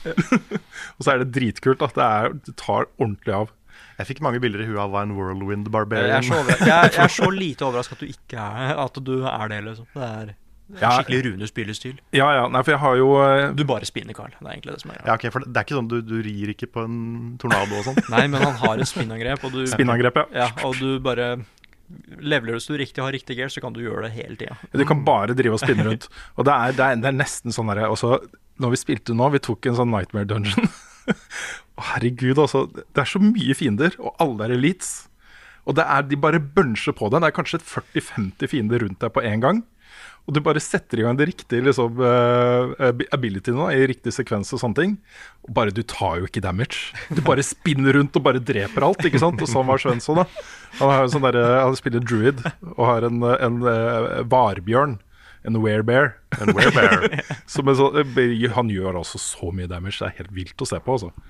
Og det er, jeg, vi måtte stoppe, jeg måtte stoppe opp to ganger etter noen sånne sekvenser. og bare sånn, Vet du hva, Svendsen, det her er det feteste jeg har vært borti på lenge. Jeg, jeg så jo anmeldelsen til Svendsen. Mm. Jeg stussa litt på at det var Var han en bjørn der? Ja, ja, ja, ja. Hadde en sånn, klipp. Sånn. Yes, he's a bear. Ja. Ja, men jeg har um, Sven skulle egentlig være her, men fikk det ikke til allikevel. Eh, Så jeg ba han om å sende meg en liten guide, fordi jeg er sånn megaforvirra nå. Og så Nå er jeg level 50, jeg skal helt opp til 100. Storyen er over. Hva skal jeg bruke tiden min på nå? Hvordan kommer jeg meg dit? Hva er det riktig å fokusere på? Og så, videre. så jeg ba han lage en liten guide uh, som jeg kunne gjengi da, i podkasten. Oh, ja, ja. uh, og han skriver da uh, Prøv og så fort som mulig bytte ut våpnene dine med den nye graden av gult gear. Dette vil gi deg den hissigste boosten. Og det er sånn, du kan ha sånn sacred versjoner av våpen som, som har mye høyere stats. da Så det har han sagt til meg også. Bytte ut alle våpnene dine med noe som gjør mer damage, og så er det good to go. Um, og så skriver han da Gjør stuff for loot-treet. Det er et eget loot-tre her. Det heter Tree of Whispers, tror jeg det heter. Uh, det, ja, det får du tilgang til uh, i endgamet. da Uh, du, du gjør missions, liksom, uh, som er ganske vanskelige. Uh, og når du har fullført da ti av de, så kan du gå til treet, og så får du en stæsj med lut. Masse lut. Um, uh, han skriver da Du blir da naturlig drasset rundt, får sjanser for bedre lut, samt en snasen goodiebag på slutten. Og så skriver han Legion Events og World Bosser. Utrolig kule opplevelser, samt at det er ofte mange spillere rundt disse. De går fort, gir bra gevinst, er noe av det kuleste contentet i spillene. Det kan jeg skrive under på. Jeg har tatt nå to worldbosser World Bosser bare i dag. Det var latterlig gøy. Og Så skriver han ettersom du blir sterkere, prøv å gjøre Nightmare Dungeons. Du får den første av disse eh, du, du får den første av ditt første bounty fra treet. Disse vil gi bedre rewards og mikser opp hvordan enkelt, hver enkelt dungeon fungerer. Og så avslutter han med da Ha det gøy i ditt eget tempo. Det er mange mekanikker og ting å gjøre i eh, Diablo 4, så ikke bli frustrert om du ikke får dreisen på alt med en gang. En build-guide eller lignende vil være til stor hjelp om du føler deg litt lost. Og da er det jo eh, Han sendte meg rett til en guide for Worldwind Endgame Barbarian på eh, maxroll.gg, som var sånn derre det var ti kapitler med sånn pedagogisk forklart hva slags perks du bør velge, hva slags våpen og hva slags aspects og osv. Så den var bare øyeåpne øyeåpner for meg også. Mm. Så maxroll.gg. eh, og det er jo da en, en veldig kjent side, da. som ikke bare har Diablo 4. Men jeg kan nevne i fleng. Den har Diablo 3, Diablo 2. Og så har den altså Path of Exile, uh, Lost Ark, Last Epoch og Torchlight Infinite Build Guides. Da. Ja, så alle Diablo-esk spill. Nettopp. Den, er, eh, den var utrolig bra. Og Det som er så fint med de bildguidene, er at du sitter der. ikke sant? Du kan respekke når som helst. Uh, så kan du bare starte fra scratch. Du kan bare ta, fjerne alle perksa du har satt opp. Starte bare gjøre det som står i den guiden. Så har du en grunnbild som er bra, og så forteller den deg hva du bør gå for nå. ikke sant? Ja, det er kult. Og Jeg skjønner ikke så mye av det Paragon-systemet. Det er sånne der, eh, små forbedringer av forskjellige stats. Du velger på sånn svært ekstra bonustre. da. Mm. Men eh, begynner å komme litt inn i det, så det er veldig kult. Jeg har et par eh, spørsmål også som jeg har lyst til å ta her. Eh, Det er Bjørnar Kønig Havnen som spør. Hva syns dere om level scaling i Diablo 4? eh, At områder hele tiden er på nivå med deg. Og mm, Fordelen er jo at du, så lenge det ikke du velger da um, dungeons som er mange leveler over deg, så, så vil alt content være på en måte utfordrende på den world tieren du har satt opp. da. Altså mm. Innholdet vil være um, enten på ditt level, eller da når du kommer på world tier 3, to leveler over. Uh, og det er en ganske behagelig ting. Ulempen er jo at ikke du kan gjøre sånn som du kan i Dark Souls-spillene f.eks. Ja, for du, du får For å aldri den- Nei, du får aldri den der uh, ultradeng-modusen. Ja, rundhjulespillet. For tingen er at Grunnen til at jeg syns det fungerer, er at du kan bygge sånn at det blir ultradeng-modus. Okay. Og så du kan gå inn i da uh, dungeons som er to leveler over deg, med riktig bild, og være liksom De er låst inn i det rommet med deg, altså. Det er ikke noe tvil om det. Det er bare å se på den videoen. Altså, det er video fra de to, to timene som Svense og jeg hadde da i Diablo 4 i dag. Det er det som ligger til podkasten her. Og det er, det er sånn det føles, da. Eh, så, så Derfor så syns jeg ikke level eh, scaling er noe problem. Um, bare for å, Hvis noen lurer på level scaling, hva er det for noe? Uh, dette er jo det levelet som verden rundt det er. da. Uh, og der vil, uh, Den vil på en måte følge deg hele tiden, så lenge du ikke er underlevela. Altså det er innholdet i spillet for det er noe som er level 70 f.eks. Uh, og det vil jeg jo ikke anbefale å gjøre før du er rundt level 70.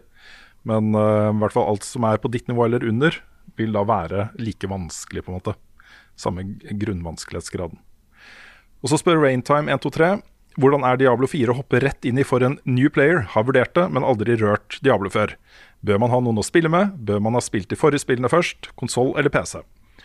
Og jeg er jo akkurat samme situasjon som Raintime. Jeg har eh, bare så vidt eh, snust på Diablo tidligere. Dette er mitt første eh, Diablo-spill som jeg virkelig gått inn i hardcore. Og det går kjempefint. Ikke noe problem i det hele tatt. Du trenger ikke å følge build, build guys eller noen ting. Bare spill storyen. Det vil gå greit. Vi hadde jo tips som vi fikk av Andreas om å spille på World Tier 2, så vi gjorde jo det da vi spilte anmeldereksemplaret av dette her. Men jeg vil anbefale folk å bare spille på World Tier 1 uansett. Og komme deg gjennom historien. Fokuser på historien. Få hesten. Den får, det er et storyoppdrag som gir deg hesten. Uh, og når du har låst opp hesten og fullført historien, så vil den være tilgjengelig fra uh, level 1 da, eh, på altene, altene drager. Eh, veldig, veldig lett å komme inn i dette spillet. Og så er det komplisert når du kommer til endgame og de tingene jeg holder på med nå. Jeg er forvirra, men det gjør ikke noe. Du kan likevel spille. Så, um, og så spør han også konsoll eller PC. Og det er, Jeg har spilt masse på PlayStation 5, masse på PC. Uh, vil nok si at jeg foretrekker ultrawide på PC, men bortsett fra det, akkurat samme opplevelsen. Det er ingen, jeg, ikke, ikke noe forskjell der i det hele tatt. Det er like bra på uh, PlayStation som det er på PC. Nice. Mm. Nei, det er nesten sjokkert over hvor godt jeg liker det spillet her, altså. Og det var sånn Jeg, i store deler av anmelderperioden, uh, som var da et par uker før lansering, så var jeg sånn Ja, dette er gøy, men helt greit. Jeg tror kanskje jeg ville endt opp med å gi det ternekast fire hvis, hvis ikke jeg hadde spilt den ekstra helgen. Uh, nå er jeg på en soleklar femmer, da. Mm. Dette er åtte, kanskje til og med nesten ni av ti uh, på, um, på hvor gøy jeg har med dette spillet her, altså. Så det er uh, dritbra. Har dere prøvd vann fra springen? Jeg har sett en ny TV-serie ja, nå, vet du. Dette albumet må dere høre. TV-spill er ganske stas. Det er en serie som foregår in space. YouTube.com er en kul nettside. Level Ups anbefaling. Denne uka har vi noe så sjeldent som en anbefaling som kommer fra alle tre på en gang. Ja, ja. Det er ikke hver gang. Det er ikke hver gang. Nei, Det var jo nemlig en av oss som dro med de to andre på kino Det stemmer. på lørdag. Vil du the honors, Nick? Det var meg, ja. Det var deg. da skulle vi se Spiderman. Spiderman Across the Spider-Verse. Fy faen, altså. Det, det var så kult. Det er den kulest animerte filmen jeg har sett noen gang. Ja, den er, jeg, jeg vil si at den er omtrent på samme nivå som den forrige. Jeg syns den overgikk denne. Ja, men det, den, den gjør jo det. Den gjør jo det. Men jeg syns de to sammen ja. gir på en måte den samme Litt den derre det, det kunne handla om nesten hva som helst. Du er på et event. Mm. Du er på noe som, som er liksom ment for kino på en måte som, eh, som mange andre filmer kanskje ikke er. da Mm. Men hvor bare det å være på kino med det lydbildet og, og den svære skjermen og bare se Herregud, så kreative de er. Mm. Det er helt vilt gøy å se på, altså. Ja. Ja, det er, det, altså, Historien er kul, og karakterene er kjempebra. Alt er kjempebra, liksom. Mm. Men det er noe med de bildene i den filmen. Altså. Ja. det, er så Du kan pause når som helst, og så er det et maleri, liksom. Og alle det er, For det er jo I den første filmen så var det mest uh, Miles sitt univers. Mm. Ja, ja. Men her ser du mer av andre universer også. Ja. Mm. Og de har hver sin visuelle stil. Til Ja. og med de som man skulle trodd at var ganske like, Mm. har liksom en veldig særegen stil. Ja, og de er fra tegneseriene. Ja, Ja, det er det, ja. uni- Universet til Gwen, da, for eksempel, Mm. som du får se ganske tidlig i filmen, er så pent. Ja. Det, er så, det er så visuelt striking, liksom. Ja, og, og det er så Å, skulle du si noe? Jeg vil bare si den Mumbai-versjonen av New York også. Ja, ja, ja, ja. Hvor utrolig godt realisert den byen er. Med alle de nivåforskjellene. Og liksom Her er det oppe i sollyset, og så går det ned, og så er det svært. Det er en hel by under bakken nå, liksom. Mm. Nei, det er kjempesmart. Uh, for eksempel da, ja, Gwen sitt univers. Det er jo en kjent uh, tegneserie, en sånn korthistorie, liksom, med den stilen. Så de bare baserte hele univers, utseendet på universet Ah, det er fra kult, den. altså. Mm. Nei, det er kjempekult. Uh, nei, det var helt konge, ass. Det, ah, jeg, jeg skjønner ikke at det ble lagd på bare fem år. Så, så crazy så det ut. Ja, det, er, det, er sånn, det er en sånn bragd i animasjonsfilm. Ja. Det må være det. Ja, ja og, så- er det så crazy at uh, neste film kommer om under ett år. Ja. Men det er vel fordi det egentlig skulle være en film, er det ikke det? Og så ble de delt opp i to. Mm, men jeg skjønner liksom bare ikke hvor mye er det dere har lagd på fem år. Mm. Og det ser så bra ut. Jeg, jeg hadde liksom ikke blitt overrasket som sa at det tok ti. Liksom. Mm. Det var så crazy. Mange forskjellige stiler. Og, og jeg ble litt satt ut på starten, for jeg, det, det skjedde Jeg skal ikke spoile, men jeg ble litt usikker på bare Kommer jeg til å få litt vondt i huet av det her? Fordi de bytter så mye. Ja. Men du havner i en sånn der modus hvor du klarer å forstå hva som skjer, da selv om ting er veldig kaotiske og sånn. Jeg, jeg satt med gåsehud bare på introsekvensen, Ja. hvor Gwen sitter og spiller trommer, og måten det er eh, laget på, hele den sekvensen, liksom. Mhm. Hvor utrolig effektivt og stilig det var, altså. Ja. Det er tidenes argument for animasjon som historiefortellingsmedium, liksom. Mm. Det er alt, alt, det du gjør, alt det de gjør i den filmen, her kunne du ikke gjort i live action. Nei, det er helt sant. Det ville sett veldig annerledes ut. Og det har blitt brukt noen elementer på en måte som er litt i gate med dette her, da. Men, eh, men det å på en måte basere et helt filmatisk univers på den der gærne kreativiteten, Mm. det kan man ikke gjøre i live action. Nei, det er ikke noe vits at live action prøver Spider-Verse-historier nå, liksom. Så er det litt live action her også, da. De sitter jo og spiller Spiderman 2, spillet. Ja, Ja, ja sånn. jeg, var, jeg var så nysgjerrig på det. Og det er det nye spillet de spiller. Det er faktisk Ja, ja, ja. ny gameplay. Liksom. Ny Å ja, det er gameplay det. Ja, det er det. Det er Spiderman 2, faktisk. For jeg Ja. tenkte bare at ja, det er jo den drakten du har der, men nei, det er faktisk den nye, liksom. I, Mm. eh, med de der spider-arma og sånn. Og det er smart. Det er smart markedsføring. Altså. Ja, det er veldig smart. smart marketing. Nei, og så- var den bare skikkelig morsom òg, liksom. Jeg, Ja. føler alt var top notch. Mm. Altså, Spider-Punk er min favoritt-Spiderman ever. Mm. Ja, Han er kul. altså så kul. Ja, veldig, veldig kul. Rett ut av Sex Pistols, ikke sant. Det er mm. dritkult, altså. Nei, vi trenger ikke å dra det ut i det vide og det breie, men det er en solklar anbefaling. Dette er en ti av ti-film for meg også. Ja, hvis det er en film du skal se på kino Ja. også, Ja. så få med deg den her på kino. Mm. Nei, helt konge.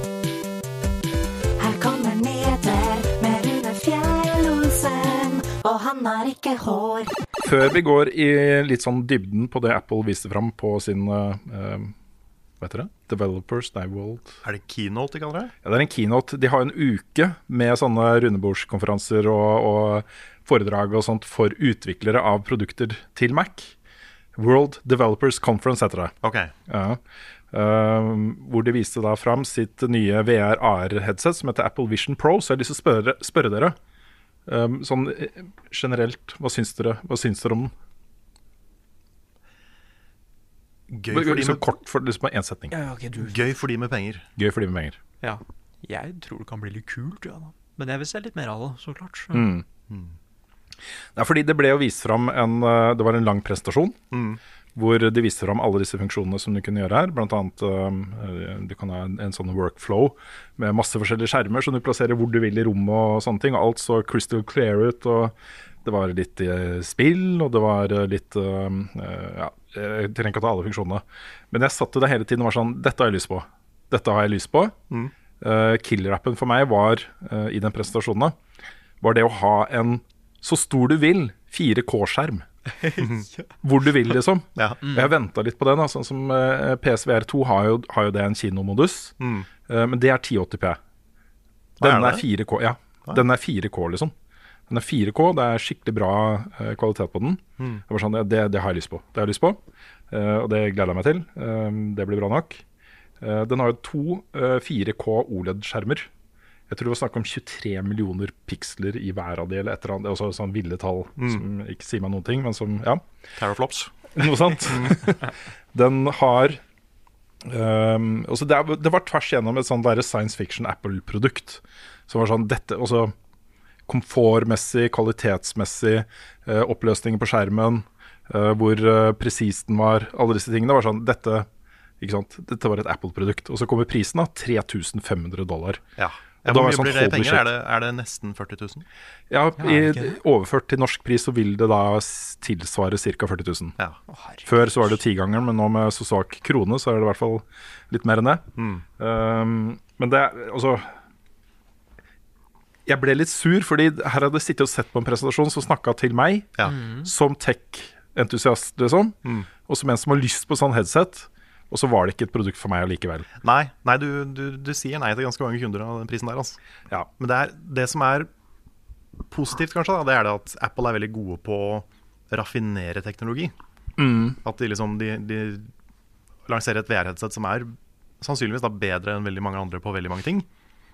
Og da kan andre igjen komme og kopiere Apple og så senke prisen. Mm. Forhåpentligvis. da Mm. Det ble jo sagt på denne konferansen at eh, de har tatt eh, flere tusen patenter med med dette headsetet her. Så hvor mye de andre konkurrentene får lov til å gjøre, det vet jeg ikke ennå. Ja, det er kanskje en issue, ja. uh, og umiddelbare sånn knee-jerk-reaksjonen på sosiale medier var jo å latterliggjøre Apple. Du så også aksjekursen falt. Ja, den gjorde det, Ja, jeg tror eh, mange investorer og aksjeeiere hadde nok sett for seg at det de skulle lansere, var et forbrukerprodukt. Mm. Men så begynte jeg å tenke litt på det, og det ligger jo litt i navnet. Apple Vision Pro. Det er laget for uh, proffmarkedet, dette her. Mm. For kanskje designbyråer, for utviklere, for folk med mye penger. Uh, som, som skal bruke dette som et arbeidsverktøy, kanskje mer enn underholdning. da Ja, for det er det jeg tenkte litt med, at det er et veldig bra verktøy. Veldig Ja. interessant verktøy, men uh, som en underholdning så er det litt sånn Ja, ikke sant? Og da, da ble også den der reaksjonen på hva de faktisk viser fram. Før det var mye sånn derre uh, Fra det veldig creepy, Ja. at du sitter der og skal ta sånne der livsøyeblikk med Ja, kameraene og det er sånn. Black Mirror-episode. Det sitter liksom barna og leker, og så er pappa der med sånn der utrolig creepy kamera. ja, hvor du kan, se, du kan se litt distorted versjon av øynene til pappa gjennom, gjennom de brillene. Sånn dykkermaske. Ja, men det var en kombinasjon av sanne ting, som var sånn familie, underholdning, livsstil, type ting, og mer sånn prosumer-greier. Du er på jobb og står ved et uh, skrivebord og jobber, liksom. Um, men, men argumentet er jo at uh, det, den crowden, altså de folka, er jo også privatpersoner med familie og med behov for underholdning og sånne ting. Så det er ikke uten grunn da at Apple, selv om det er ment for proffmarkedet, også snakker om de der mer vanlige forbrukergreiene. ikke sant? Så, så jeg, jeg kjøper i hvert fall den, da, det argumentet. Um, det er liksom early adopters og proffmarkedet de ønsker å nå med dette her. Uh, og det er første generasjon. Mm. Uh, jeg er helt sikker på at eh, nå som da denne teknologien blir tilgjengelig for utviklere, det blir laga nye apps. Vi fikk jo se en eh, ganske imponerende eh, Disney-app på den. Mm. Med, ja, være skikkelig i, i, i eh, vi- og, og greiene, liksom. Du kunne være courtside på basketballbaner, og det var masse greier. da. Men når disse appene begynner å komme, og det begynner å bli mer utvikla, og det er et økosystem der som, som fungerer, så vil forbrukerversjonen komme. Det vil komme en forbrukerversjon om noen år eh, til en langt lavere pris. Mm. Og Fordelen da med å gå ut med en pris på 40 000 kroner, er at du kan si 20 000, og så vil folk synes det er billig. ikke sant? Det er bare halve prisen. Ja, det er, det er noe psykologisk i det. Wow. Og det er, eh, ja, det, er, det er trist at du har rett, som du har rett. ja.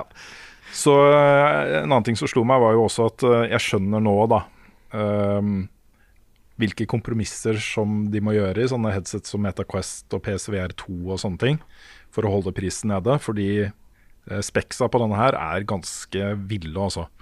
Eh, jeg har sett eh, en som heter Mark Mark, Mark Browley. Veldig kjent sånn tech-youtuber. Okay. Mark Browley, jeg husker ikke, jeg vet ikke hvordan man uttaler navnet hans. Men uansett, da.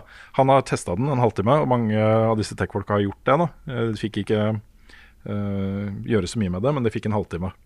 Eh, og det han sa, var at øyetrackinga her det er, masse, masse, masse sånne kameraer som tracker øyet ditt rundt da den linsa inni i headsetet var soleklart det mest presise, og han slapp å tenke på det engang. Bare opplevde at når du er på en meny sant, med masse ikoner, at det var bare det ikonet han så på, var det som ble markert da, til enhver tid. Det var dritpresist og én til én, liksom. Det var ikke noe delay eller noen lag på, på den biten. Hm. Uh, og hvis du har den kombinert med um, nok piksler og, og sånt, at det blir virkelig immersive, så er det, det er det som er killer-appen for VR, Ja. tenker jeg da. Åssen er det med illusjon av dybde nå på VR? For det, jeg, jeg tror det forrige headsetet jeg virkelig testa, det var, det var Valve Ikke Valve Index, men det som kom før Valve Index.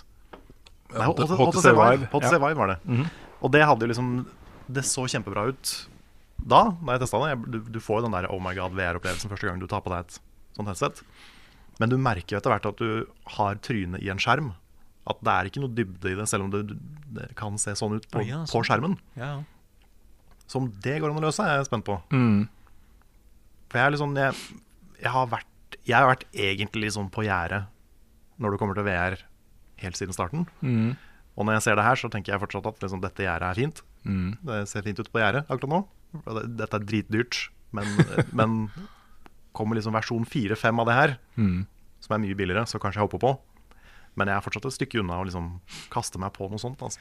Altså Grunnen til at jeg er gira på dette her um, hvis, hvis, det, hvis jeg ramler over 40 000 kroner, så kan jeg godt finne på å kjøpe det. Ja. Um, litt, litt sånn er jeg, da. Mm. Um, jeg, Ja, du er nok mer gira på ny tech enn jeg er. Ja, så Jeg skrev jo det på Twitter, men jeg husket jo plutselig liksom at en gang i tiden så gikk jo jeg inn på Akersmik her i Oslo og så en 30, var det 32 eller 34 tommer widescreen CRT-TV. Og sånn Dette er det fetteste jeg har sett noen gang. Og jeg bare kjøpte det. hadde- Der og da liksom. Kostet 32 000 kroner. Ja, ja. Jeg hadde en kompis som hadde en 50-tommer kasse-TV. Ja. Og den måtte man, man, man, fire personer måtte bære den. Ja, det var bare tre til for å bære den. Den veide over 70 kilo. Ja. Det er mer enn meg. Det er mer enn alle oss. uh, og jeg har også brukt uh, masse penger på å kjøpe førstegenerasjons plasma-TV. Mm. Uh, det var jo 480P til og med, tror jeg. Det var jo helt vilt hvor dårlig speks det er på den sammenligna med det du får i dag. Da. Men grunnen til det er jeg får ikke lov til å ha en TV hjemme som, er, hjemme som er større enn 55 tommer. Det er det maksimale som kona er villig til å gå med på. Hvis jeg kan få en Imax, også en kinostørrelsesskjerm hjemme med et headset, Ja, så vil jeg skjønner- gjerne ha det. Jeg skjønner fantasien. Jeg gjør det. Ja, en gyllen mulighet. Ja, så, så det, det, hvis du ser det bare som et TV-produkt, Mm. hvor du kan se på, på um, Interstellar igjen, liksom, en- på en sånn skjerm, da, det, det, det hadde vært kult. Mm. Og så er det jo også eh, Det blir jo eh, Vi kan ta det på spørsmålene, forresten, for det har kommet en del spørsmål her som går innom det. Um, jeg skal bare ta spørsmålene, kanskje? Ja. Vi kan godt ta det. Det er et fra Markus, som spør, da. Um, hva syns dere om eh, Vision Pro? Tenker jo, at, ten- tenker jo kanskje det kan åpne opp VR for de som er Apple-tilhengere, men prisen er jo et argument mot der. Og dette har vi snakket litt om, så vi trenger kanskje ikke å svare direkte på det. Men, ehm, men eh, dette er jo et produkt som inngår i liksom Apple-økosystemet. Og du så jo f.eks. at man kan bare ta en Macbook og plassere den i synsfeltet ditt, og så kommer innholdet i og så, innmat, og så skjermen til Mac-en kommer opp som et eget vindu i VR-headsetet. Og det er jo sånne ting som man kan gjøre da, hvis man har et økosystem av produkter. ikke sant? Mm. Det som er litt synd, er at Apple er så dårlig på spill. Ja, men Ja. da kan vi ta det nå. Det kommer sikkert et spørsmål om det seinere også.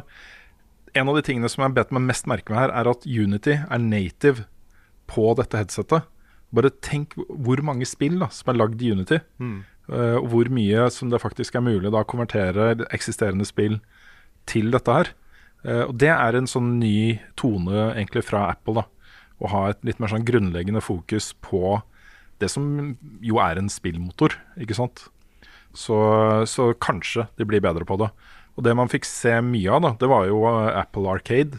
Altså eh, mobilspill og iPad-spill Mm. med en PlayStation-kontroller. For det har ikke en egen kontroller til dette her. Nei. Men kobla til en PlayStation eh, 5-kontroller.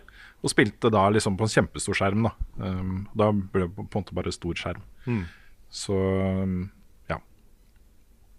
ja. Det blir, det blir spennende å følge det her. Jeg kommer nok til å følge med fra sida eh, ganske lenge. I hvert fall når prisen er sånn som den er. Men eh, altså, teknologien er jo spennende. Jeg bare Jeg håper ikke det liksom blir den nye 3D-TV-en. At det liksom Det, veldig, det blir pusha veldig hardt, men så kommer ikke markedet med på det. Og så Mm. forsvinner det dabler litt av. Ja, jeg, jeg tror de har litt is i magen på det. da Jeg Mm. tror ikke det gir seg før de har testa ut et forbrukerprodukt om tre år, fire år. Mm. Um, og se hvordan det slår an. Um, og så tror jeg at vi på et punkt har kommet så langt i VR-teknologi og AR-teknologi. Det er for, for, forresten et veldig interessant poeng at de ikke nevnte AI med et ord. Det er Mm. bare maskinlæring. Det var masse AI-greier og maskinlæring der, men de brukte ikke ordet kunstig intelligens. Uh, eller metaverse. Var et- Ingen av de der sjakktrekk, ja. ja, ikke sant? Um, men jeg tror at vi må ned på nivå med også, jeg, Det er jo testa ut og fungerende at kontaktlinser, som også er skjermer, AR-skjermer uh, Vi må ned dit, tenker jeg da. Hvor det er liksom så lite uh, ubehagelig å ha på seg. Det er ikke svært headset, tungt headset. Nei, apropos det. Denne her kan du ikke ha briller på, var det sånn? Nei, men du kan sette på size-linser med din styrke. Ja. Wow. Riktig. Mm. Det blir dyrt for Ja, det hørtes veldig Det er, dyrt ut, så eh, Jeg har dyre briller. Eller sånne dyre linser. I brillene. Mm. Men eh, nei, det, er, det blir spennende å følge med på det her. Hvordan Mm. det utvikler seg. Jeg tar, noe, jeg tar de andre spørsmålene her. Det er fra Delsi, ehm, som skriver tror, tror dette blir enten en helt revolusjonerende oppfinnelse som helt eksploderer markedet, eller en komplett flopp som Google Glass. Da, da har du jo dekka hele spekteret, så det er greit. Eh, jeg tror personlig at hvis de eh, leverer som lovet, kommer det uten tvil til å slå an. Tror dere dette er noe hypes over, og at det er, blir like bra som markedsført, eller er dette Google Glass 2?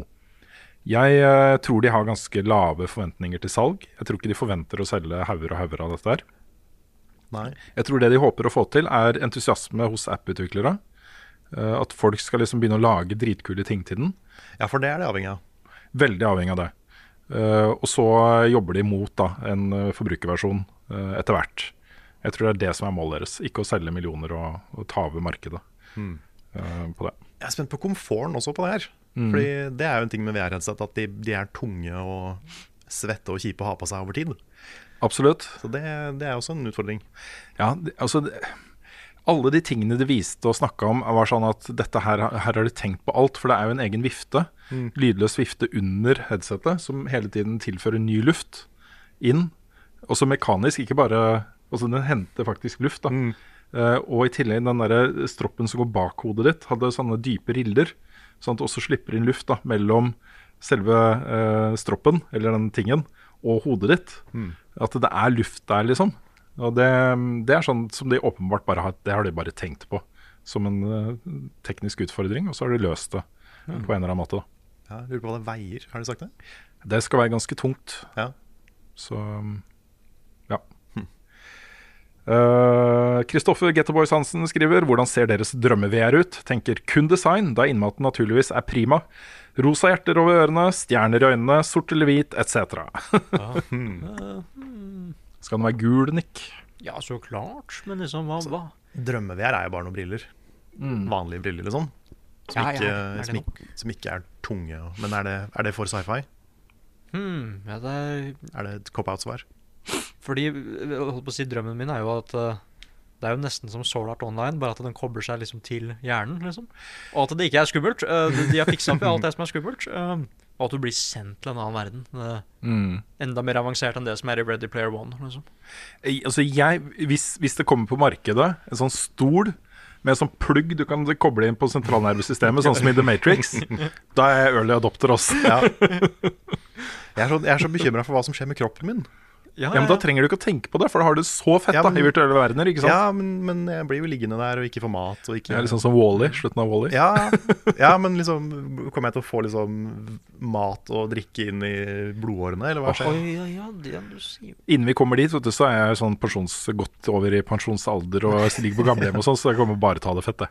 Kommer bare til å ikke spise. Ja. Eller kanskje det er en sånn en flyvende ball med vann, liksom.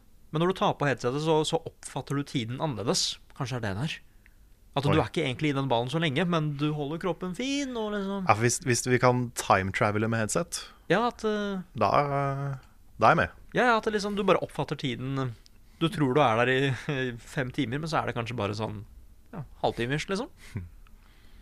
Jeg liker hvor sci-fi vi går med. Liksom. Ja, ja, men Begynte altså, med liksom, ja, hvis det var vanlige briller. Ok, hvis du kunne time-travele, hvis du kan få inn mat. Ja, hva, spurte du, liksom? Ja, ja. ja men det, er, det blir sånn Min drømme-VR blir veldig fort veldig sci-fi, og veldig Mm. veldig langt unna. Ja. Ja. Hvis det i det hele tatt er mulig. Så det er sånn Jeg vet ikke. Det føles så tidlig å begynne å drømme om det. Jeg har en uh, spådom, da. Når uh, Apple er klare til å lansere forbrukerversjonen av dette her, Mm. så kommer de til å ha en samme type keynote, og så kommer de til å ha en samme type presentasjon, og så skal de presentere produktet, og så er det en brille. En sånn liten, lekker sak som ikke veier noe særlig, og som er dritbra kvalitet og, Mm. og sånt. Det, det blir et killerprodukt. Ja, de første som lanserer noe som nærmer seg vanlige briller, som er VR og AR. Og utrolig høy kvalitet. Mm. Jeg kan ikke få understreket nok hvor viktig det er med nok antall bilder i sekundet. Ja. Nok oppløsning og de tingene der. Det er så viktig også for VR-opplevelsen. For selv på PSVR 2, som jeg syns er bra, et bra headset, så ser du jo disse altså de strekene hvor bildene er satt sammen. ikke sant? Mm. Eh, Det er litt støy på bildet. eh, Du får ikke den helt den der dybdeforståelsen som du snakka om. Eh, Det er veldig bra, men det er ikke bra nok. Mm. Og så er, det mulig å lage et VR-headset som ikke du blir sliten i øya av? Mm. Er det fysisk mulig, eller blir det alltid den der skjermen rett i ansiktet-effekten?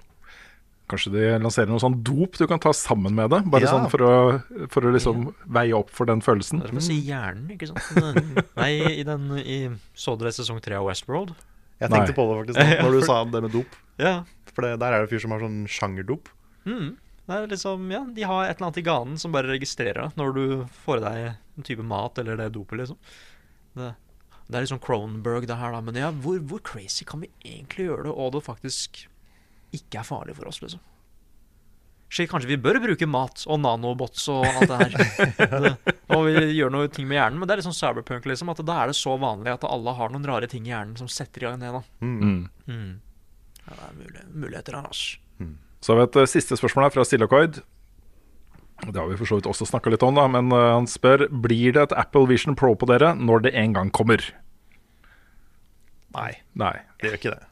Har du lyst til å teste, Det er for en, for en helt annen uh, klasse enn meg, det her. Eh, Jeg er litt der, Nick. Jeg har lyst til å teste det. Ja, Hvis jeg får hvis mulighet til å teste det, så vil jeg teste det. Ja, hvis det gir meg sånn derre Altså, dette er uh, Dette er amazing. mm. Så kan det hende at jeg faktisk vurderer det. Altså. Kanskje. Hvis vi alle i Bare ikke si noe til kona at jeg vurderer det. Nei, nei, så klart ikke. Nei, Hvis vi alle i redaksjonen spleiser på ett headset, liksom. Ja, for det kunne vi kanskje gjort da. Kjøpt inn og hatt det her, liksom, på kontoret. Ja. Ja. Da må vi ha mye sånn Kleenex. Ja, ja, det er ganske tett på trynet til folk. Det er sånn, jeg, jeg, det, er sånn det er mulig jeg er litt, um, litt germaphobe på det, de tinga her, men sånn på turneringer hvor det er turneringer i VR-spill, Mm. og alle har på seg det samme headsetet Mm. Jeg får helt noia av det. Altså. Ja, men det er sånn som de har et VR-sett på Eldorado også. Der Mm. har de jo sånn der antibac som de sprayer og pusser liksom Ja, jeg skulle vært ganske hard på den antibac-en. Altså, for, Det er greit, det er for greit, å dele headset med noen. Da kan vi dynke det i antibac. Liksom. Ja, sånn antibac-bad. Ja, ja, ja. Sånn ultralydbad. Ja, det er vanntett òg, vet du. Så det er ikke noe problem. Vi skal videre. Bare nevne til slutt at uh, Apple Vision Pro det lanseres uh, i uh, butikk i USA, og kun USA, i starten av 2024. Eh, og det er forventa en global lansering i løpet av det året, også neste år. Mm. Så det tar litt tid da, før det dukker opp til og med muligheten til å kjøpe det. Ja. Men inntil videre er det gøy å drømme. Ja. Jeg lurer på sånn, hvordan det blir når de første som hopper inn i Zoom-samtaler med sånne, det er som de fleste er vanlige mennesker. Jaha. Og så er det et par som er sånn der dårlige PlayStation 3-NPC-er. som blir laga av det headsetet. Det blir veldig morsomt. Men Man må ta det første skrittet. ikke sant? Ja. Litt slemt å kalle det PS3-NPC-er, men det, jeg tenkte på Final Fantasy 15 da jeg så de der digitale Mm. representasjonene av figurene. ja, det er sant. Du blir pen, da. Du blir pen, men også veldig feil. Mm. Du blir uncanny, liksom. Jeg så noen snakke om uh, du, du sitter der med Apple Vision Pro og ser på porno, og så plutselig dukker moren din opp i bildet. Fordi det er jo sånn at når, når du sitter der og er låst inn, og noen kommer bort til deg, så fades liksom Men det de første-. Det første jeg tenkte på når jeg så den sekvensen, hvor, for det kommer jo en person blir gradvis mer synlig når du kommer nærmere deg. Mm. Og det er jo en liksom smilende dame som kommer inn. Tenk om det bare er en fucka du som roper bø, liksom. Er så mange ting som All right. Vi går videre. uh, mer Diablo, faktisk. Ja. Og en overgang til Apple. Fordi Whoopi Goldberg har vært ute på Instagram. Hun har kjøpt da Diablo 4. Oppdaget da at det fins jo ikke til Mac. Hun kunne ikke spille det. Ah, ja, jeg visste ikke at Whoopi Goldberg var Ja, ja, Så hun har jo da en lang rant på, på sin Instagram-konto hvor hun da trygler uh, Blizzard om å gi det ut på Mac også. Ah, ja. Ja, Og det er nok eh, jeg, jeg tror hun blir hørt, da. Ikke fordi det er Whoopi Goldberg. Men det er mange som snakker om det. Og dette uh, tidligere Diablo-spillere og sånt har jo vært tilgjengelig på Mac. Har allerede publikum på Mac. Mm. Uh, så jeg vil anta at det gjør det. Uh, kommer dit etter hvert. Um, og så har også Blizzard da bekrefta at de er i utviklingen av to expansions til Diablo 4. Så, så det vil da komme minimum to expansions, i tillegg til da Battle Pass og sånn som kommer nå i juli. Eller starter i juli. Eh, og så sier de De har ikke gått ut med salgstall, men de sier at Diablo 4 har blitt spilt. Hvis man legger alle timene folk har brukt i det spillet eh, sammen, i over 10 000 år siden lanseringen da 1.6. Wow. Det er jo svært tall. Uh, så hvis en, et menneske da hadde sittet og spilt det 24 timer i døgnet, så, kunne, så hadde det tatt deg fra liksom, menneskehetens opprinnelse til i dag Hmm. å spille. så det er, uh, ja. Det er mye Diablo. Det er mye Diablo. Men det er en tidsluk, altså. Jeg merker jo uh, Det tar jo 20-30 timer å komme deg gjennom historien. Da er det bare halvveis, liksom. Du er til level 50. Så ja, det er, uh, dette er et spill som, uh, som man kan bruke ganske mye tid på. Det som er litt morsomt, er at jeg oppdager Det er litt sånn som med Zelda, egentlig. Oppdager nye ting her. Mm. Nå Jeg fant en, en Quest-line som faktisk tar deg tilbake til det området som ble brukt i intro-cinematicen til Diablo 4. Altså det er en utrolig stilig intro-cinematic. Og plutselig så følger de fotspora til de rollefigurene som er med der. da. En av de er jo en veldig sentral person i hele Diablo 4-historien. Um, men det, det å plutselig stå der hvor de står på slutten, hvor de fremkaller Lilith, Mm. og så se på de søylene og sånt, det var en utrolig kul opplevelse. Altså. Ja, fett. Så um, uh, yes. Vi har fått en lanseringsdato på da det som faktisk er et delvis eh, norsk eh, utviklet eh, spill, nemlig Viewfinder. Dette er et spill hvor du tar bilder med et pol polaroidkamera, Ja. og så endrer du perspektiv på ting. Og, Det ser veldig kult ut. ja, der er jo Martin Kvale og Oda Tilseth eh, fra Nok Nok Audio. De er involvert der. Det er 18. juli på PC og PlayStation 5. Hmm. Så det er midt i sommeren. Det er det. Midt Mm. i sommerferien. Da får vi håpe at noen ikke tar ferie. Og så har vi en uh, liten Final Fantasy-sak til slutt. Square Enix sier nå at de har gjort tiltak som gjør at man kan skippe Final Fantasy 7 Remake og gå rett på Rebirth. Ja, de har sagt det, altså. Mm. Det, jeg vet ikke hvor mye jeg tror på de. Nei. Fordi det er jo Jeg mener jo det blir som å gå rett på Ragnarok uten å ha spilt God of War 2018. Mm. At det mest sannsynlig blir sånn. Mm. Men uh, jeg vet jo ikke hva de kommer til å gjøre i det spillet heller. Nei. Det kan jo hende at historien går en helt annen retning, for alt jeg vet. At ikke det er en remake lenger. Men eh, nei. Jeg vil fortsatt anbefale folk å spille eh, remake, altså. Hva er dines best, hvor var fredag sist? Har Carl egentlig sopp? Ukens spørsmål. Vi begynner med et spørsmål fra Jakob. Med henvisning til Starfield-showcasen kommende søndag oppfordret Xbox Aaron Greenberg nylig på Twitter til å ta med et ekstra par underbukser. med slikt hovmod, hvor bra må showcasene være for at han ikke selv ender opp som den som driter seg ut? ja, Først og fremst et eh, bra formulert uh, spørsmål. Ja, Hvem kommer til å sitte igjen med bæsj i buksa? Eh? Men også, av og til så er på en måte de som har sett disse presentasjonene, sitte og jobba med dem på forhånd og sånt Jeg tipper at Greenberg er da en person som bare har fått presentasjonen etter at den er ferdig. Han har ikke sittet og vært med å lage den og sånt, og bare sett den og kommet med en reaksjon på det. Ja. Og jeg har jo en følelse av at, eh, at det er noe i det. Fordi eh, Starfield har hatt et problem i de tidligere gangene hvor de har vist gameplay. Mm. Er at det har sett litt sånn, litt sånn haltende ut. Altså Ja. Skytinga har har ikke helt sittet Nei, det er, for det er på en måte Altså, Bethesda-spill er jo til en viss grad actionspill, men det er ikke det de gjør best. Nei. Så det å, en action-trailer klarer liksom ikke å selge helt Nei. de spillene, kanskje?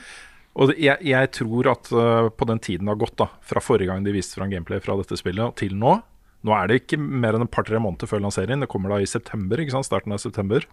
Jeg tror det har skjedd noe der. Jeg tror, det, jeg tror den prestasjonen kommer til å bli eh, magisk. Å, kult. Det er min, min uh, magefølelse på det er det, da. Ja, vi får se på søndag. Mm, at det er uh, noe annet enn bæsj som kommer under buksene våre. Ja, Mm. noe annet enn bæsj. Noe annet enn bæsj. men vi skal jo være live da, på, på den, eh, ikke bare den, men andre ting også. Vi går live nå, det er for sent, hvis du hører podkasten. Nå har vi, har vi dekt Summer Gamefest og uh, Devolver Digital. Uh, men det er jo uh, Holsome uh, Direct På lørdag. på lørdag. Det er eh, Ubisoft på mandag. Det er det. Ja. Fullt program ligger jo ute på kanalene våre. Men vi kommer til å være mye live i helgen. Og jeg gleder meg altså så mye. Mm. Eh, mest til Xbox, må jeg innrømme. Ja, på ja, søndag. mest Xbox, ok. Ja, eller egentlig mest Summer Gamefest, fordi Ja, der tror- kan vi se Jeg tror jeg også gleder meg mest til Summer Game Fest. Ja. Men uh, Xbox og Ja, for det er Xbox og Starfield, og så PC Gaming Show. Stemmer. På søndag. Ja. Ok, Stemmer. Så det er spennende. Det blir veldig, veldig gøy, altså.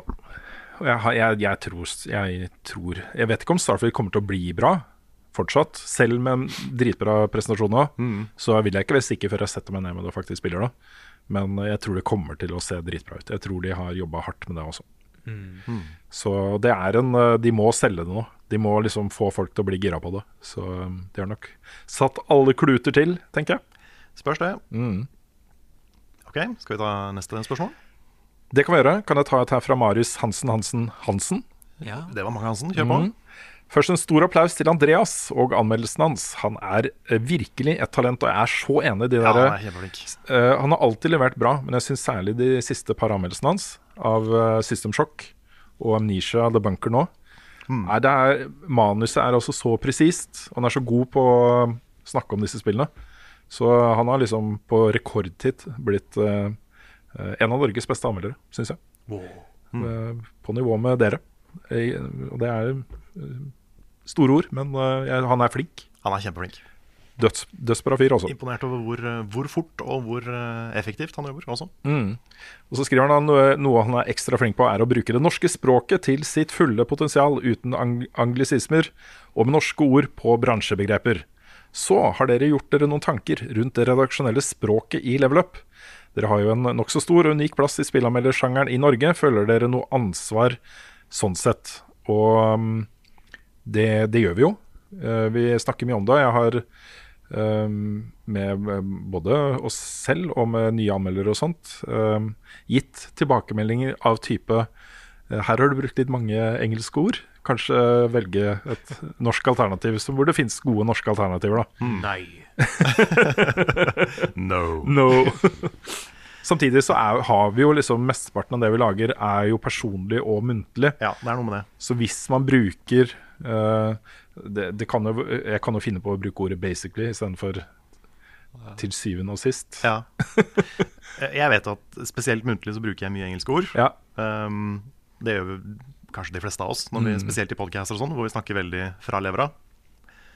Uh, jeg har lagt meg på et nivå med anmeldelser hvor jeg bruker norske ord så lenge det føles naturlig. Ja. Det øyeblikket det blir unaturlig å bruke norske ord, Ja. så gjør jeg det ikke. Ja. Mm. Så det, er, det, er viktig, det viktigste for meg er at det skal høres naturlig ut. da Og så Mm. norske ord er liksom under der. Ja. Røpealarm, liksom. Røpealarm sier jeg ikke. Emneknagg sier jeg ikke. Å, herregud. Nei, jeg- Eller spillbarhet sier jeg heller ikke. Eh, jeg, jeg tar Oscar-regelen for utenlandske filmer og sånn. Hvis 90% er norsk, så er det greia for meg. Ja, okay. Hmm. Nei, eller egentlig så tenker jeg egentlig bare Det viktigste er at eh, Nå holdt jeg på å si the needs of the money outweigh og alt det der, men jeg føler at eh, i hvert fall i spill og sånn, det er jo mye av det er ikke på norsk, ikke sant? Så da føler jeg at flesteparten av de vi prater til, kommer til å skjønne det bedre hvis jeg bruker noen av de engelske orda. Det er egentlig Det er, det er mange, mange holdt på å si, slenguttrykk, eller eh, hva, hva kaller man det? Uttrykk så, innad i en subkultur som er på engelsk. Fordi, Slang? Ja, på en måte slang. Det var ikke helt det ordet jeg så etter, men jeg klarer ikke å finne det. Nei, men liksom bare Alle vi vet hva gameplay er. Vi trenger ikke et norsk ord. Hva er et norsk ord for gameplay? Ja, men jeg, had, jeg bruker ikke ordet gameplay. Nei, for jeg, jeg liker gameplay litt, jeg, da. Ja. Ja, for jeg, gameplay gir mening. ja, men gjør det egentlig det? Ja. Altså, det, det gir mening altså, for det det er, hvis du skal kalle hva er spillet for noe, Ja. for noe. Da Så- beskriver man jo heller uh, hva man gjør, da. Og det er gameplay, på en måte. Ja, men eh, jeg vet ikke. The, the gameplay er liksom for The game er spillet, og Mm. play er hvordan du spiller det. Så Ja. I de tilfellene hvor jeg har lyst til å bruke ordet gameplay, for jeg har ikke noe mot ordet sånn, sånn sett, eh, så eh, bruker jeg heller Jeg skriver litt om, da. Mm. Det blir sånn eh, føles godt i, Ja. å spille, eller jeg tror ikke jeg bruker gameplay så mye i manus. Nei. Det er jeg ikke. Nei, det kommer bare naturlig når jeg prater. Mm. Nei, jeg tenker, så, så, jeg tenker flest, Flesteparten av de jeg prater til, kommer til å skjønne det bedre hvis jeg bruker de engelske orda. Det er egentlig Ja. Ja, det, men det er litt sånn ga gamersjargong. Mm. Det var, tror jeg var det jeg var ute etter. Ja. Det, det er veldig mye engelsk. Ja. Og det Prøver å unngå det når jeg skriver manus, men ellers så er det ikke så farlig for meg. Altså Det er litt forskjell på når vi lager podkast og når Mm. vi skriver et manus som vi leser, leser inn. Ja, der er det en forskjell. For da um, er jeg veldig bevisst på å være så inkluderende som mulig i språket. Og da er det jo tross alt sånn da, at det er ikke alle som vet hva PVP er, f.eks. Ja, det er sant. Det er Eller, sant. um, eller ja, det er sikkert tusen eksempler på, på ord man uh, bruker Mm. uh, i sjargongen. Ja, ja jeg, hvis, jeg, hvis jeg sier at noe er et uh, Rogelight MMO, på en måte, Mm. så er det, det, da skjønner jeg at det er mange som ikke Ja.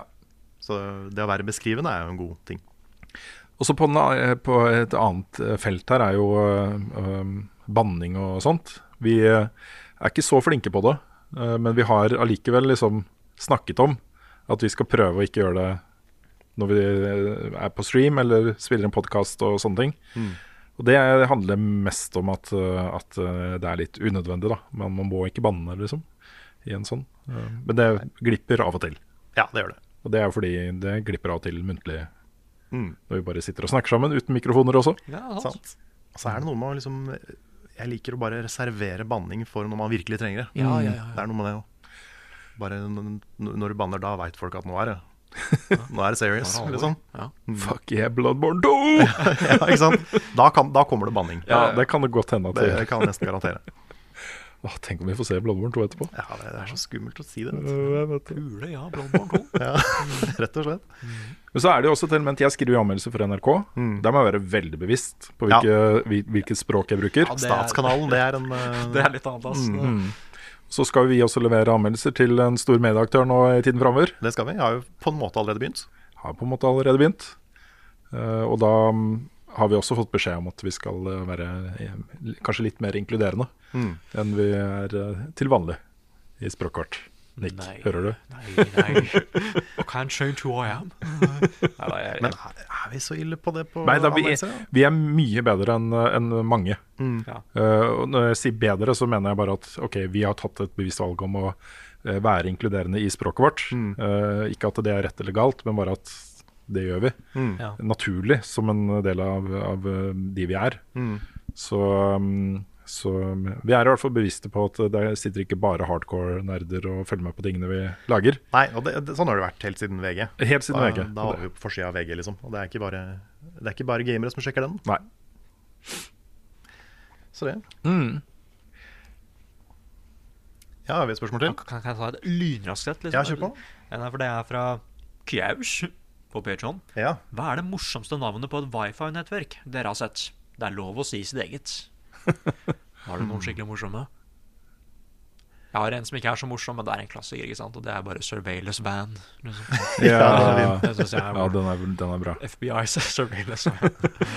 Hva gjør de i Oslo?! er, ikke, det er ikke et morsomt navn, men eh, det er en morsom ting. Med, en gang jeg hadde et kontor midt i Oslo, mm. så var vi nabo med en kristen organisasjon. Som hadde um, wifi-nettverket var jo bare navnet på organisasjonen. Og vi hadde ikke internett ennå, så vi prøvde å bare klikke oss på dems. Mm. Og så kom det opp eh, passord. Så skrev vi Jesus, og så kom vi inn. Det er så bra, altså. Det er så bra. Liksom- det var gøy. Klarte det i første forsøk. Ja. er We're in. Så hadde vi internett. Nei, jeg kommer ikke på så mange jeg har sett. Var det ikke det? Det Det knir, Ja, det er min. Det er din. jeg bare, det bare føltes litt, uh, litt sånn uh, humble brag å si sitt eget. Ja, men jeg syns det er noe av det beste. Så får du lov. Ok, det, er- det er fordi det var sant, da. Ja. Men uh, da jeg bodde på Anker, så hadde jeg et wifi-nettverk som het 'Det knirker hos meg når du har sex'. og det, det, det var confirmed at det gjorde det. Ja. Til og med på stream en gang. Mm. Da er det ikke brag. Nei, men det var, det var en sann historie. Eh, vårt lokalnettverk, da. Fordi kona heter jo Ulsnes. Mm. Så lokalnettet vårt heter Ulsnett. Ja, nice. Den det er fint. Det er fin. Det er veldig fin. All right. Jeg har et uh, kort et jeg har lyst til å svare på, jeg også. Før vi tar den uh, siste din, uh, Nick. Ja. Det er fra Einar Stavnes. Så spør da med tanke på begrensede ressurser og spill dere ikke får tid til å anmelde, f.eks. spill om Gollum. Skulle dere noen gang ønske at dere anmeldte filmer, TV-serier eller album som kun tar noen få timer å se på og høre på, og du aner ikke Yes! Yes! Det, det er ikke bare bare praktisk Det, det, er, det, er, det er ikke bare praktisk å anmelde spill som tar 50 pluss timer spille Altså, tingen er at Du må nesten bare være lidenskapelig opptatt av spill for å kunne ha dette som jobb. Fordi når du skal anmelde Tears of the Kingdom, Mm. og det er 100-120-140 timer Da kan du ikke spille to timer om dagen. Og... Nei, du kan ikke det. Dette er, det må du gjøre på kveldene, og du må sitte oppe sent. Og du, ikke sant? Mm. Det er noe helt annet. Altså, vi dytter jo egentlig inn en hel måned med normal arbeidstid inn på to uker, halvannen uke, Ja. for å anmelde ting. ikke sant? Men det er sant. Og det er øhm, Det fordrer at det, dette er noe du virkelig brenner for å gjøre. Altså. Mm. Og det gjør jeg jo. øh, Ja, ja, det er, jeg, skal, jeg skal absolutt ikke klage på de timene jeg kunne sitte og spille Tears of the Kingdom. Ikke sant? Det var kjempegøy. Men det tar jo over livet på en måte som, øh, som det å se en kinofilm, f.eks. Ikke det. gjør. da Det, det er sant. Og det henger et sånt press Og det er sånn kanskje skyggesiden av å anmelde spill, da, hvis man er glad i spill. Det er det er et sånt press som er ofte selvpåført, da, men det henger over deg mens Mm. du spiller spillet. Ja. Så um, de 120 timene jeg spilte Tales of Kingdom, så hadde jeg hele tida i bakhodet den derre jeg må lage en, dette, må ha, dette må ha en bra video, liksom. Dette må jeg lage noe skikkelig bra på. Ja. Um, og den, den er jo der hele veien. Mm. Og da legger man også kanskje litt press på seg sjøl for å spille fortere og spille mer. Mm. Mer enn man vanligvis ville gjort. da Men jeg tror jo at vi alle sammen egentlig kunne tatt, gjort overgangen til TV-serier og film, i hvert fall. Eh, fordi det snakker vi allerede masse om. Ja. Og vi ser mye. Vi er godt oppdaterte. Vi får med oss liksom det meste av de greiene som Filmpolitiet og de andre dekker, ikke sant. Ja, jeg vet ikke om jeg kunne vært filmanmelder, men jeg kunne vært TV-serieanmelder. i hvert fall. Mm, ja, i hvert fall TV-serie. Mm. Jeg føler ikke jeg ser nok film som er anmelder. Nei, men da hadde du gjort det, ikke sant? Ja, jeg hadde, altså Hvis jeg hadde gått inn for det, Ja. kanskje. For da hadde du fått det. Da hadde det jo, eh, Hvis vi plutselig i morgen får beskjed om at nå skal vi lage filmanmeldelser Mm. Så Det første vi hadde gjort, er hatt en bootcamp, hvor vi hadde sett liksom alle de der toneangivende, Ja, de der filmene eh, som 100 filmer du må se før du dør. Nettopp. Mm. ikke sant? Og studert de litt, ikke sant? Ja. Hatt utvida referanserammene våre til litt mer enn Pulp Fiction. Ja. Jeg, jeg tror jeg hadde klart å analysere en film. Det er eh, Det hadde kanskje gått. Ja, jeg tror jeg helt sikkert det. Mm. Jeg tror vi hadde altså bruker jeg engelsk, jeg tror vi hadde crushed ut døra. Altså. Ja, ja, det er kanskje det. Mm. Så har vi jo opinions om, om filmer. Absolutt. Og alle, alle opinions, eller meninger Meninger, som heter på norsk. Meninger, Ja. meninger er eh, gyldige. Mm. Eh, litt sånn Apropos det vi snakka om norsk og engelsk i stad. Kan jeg ta et spørsmål? Ja. Fra Markus. Han spør Har dere tenkt på å lage innhold på engelsk noen gang. Med deres gode redigering, måte å fortelle ting på samt humor, så tror jeg det kunne slått an. F.eks. anmeldelsene deres. Eh, kan for min egen del, så jeg har prøvd. Det er en grunn til at det ikke er offentlig lenger. Mm. Fordi det var dritkleint. Altså, det er noe med, det er noe med mm, den derre Det er ingen forventninger i det hele tatt om at vi skal snakke noe annet enn norsk. Nei. Og vi har gjort det i elleve år nå, i level up-sammenheng. da. Mm. Og det å på en måte slå over på engelsk hadde, i hvert fall for alle våre eksisterende seer, seere, vært veldig, veldig rart. Det hadde det. Så vi måtte det på en måte starte en ny kanal for et nytt publikum Mm. uh, for å kunne gjort det. da Det er ikke sikkert det hadde vært så dumt. altså Det kan hende at kanskje vi kan vurdere det, å lage en engelsk kanal etter hvert. Mm. Men uh, jeg har ikke noe behov for det, og jeg, jeg har ikke lyst til å nå hele verden. Sånn i utgangspunktet. Nei, og så merker jeg at Jeg tenker jo at jeg er veldig god i engelsk. Det har jeg alltid vært. Men ikke, ikke, ikke da jeg var baby. Da var jeg ikke god i engelsk. Men, men, men jeg har alltid følt at jeg har vært ganske god i engelsk. Han måtte undersøke det. Måtte Bare kvalifisere det litt. Nå skulle vi ta deg, liksom. Mm. Jeg satt og venta. ja. Men um, problemet er at selv om du er god i engelsk, så er det fortsatt ikke det språket du naturlig snakker. Mm. Og da blir det automatisk mer kunstig. Det blir vanskeligere å være morsom. Mm. Jeg har jo venner jeg har snakka engelsk med. Og jeg opplever ofte at jeg liksom, når jeg tror at jeg sier noe morsomt, så er det ikke morsomt. okay. Fordi jeg, jeg vet ikke om det er deliveryen som er feil, eller hva Mm. det er. Men det er sånn Det er vanskelig å være morsom og engasjerende på et annet språk. Har dere fått med den der skandalen i, eh, i sånn engelskeksamen eh, i Norge som har gått nå siste ukene? Nei.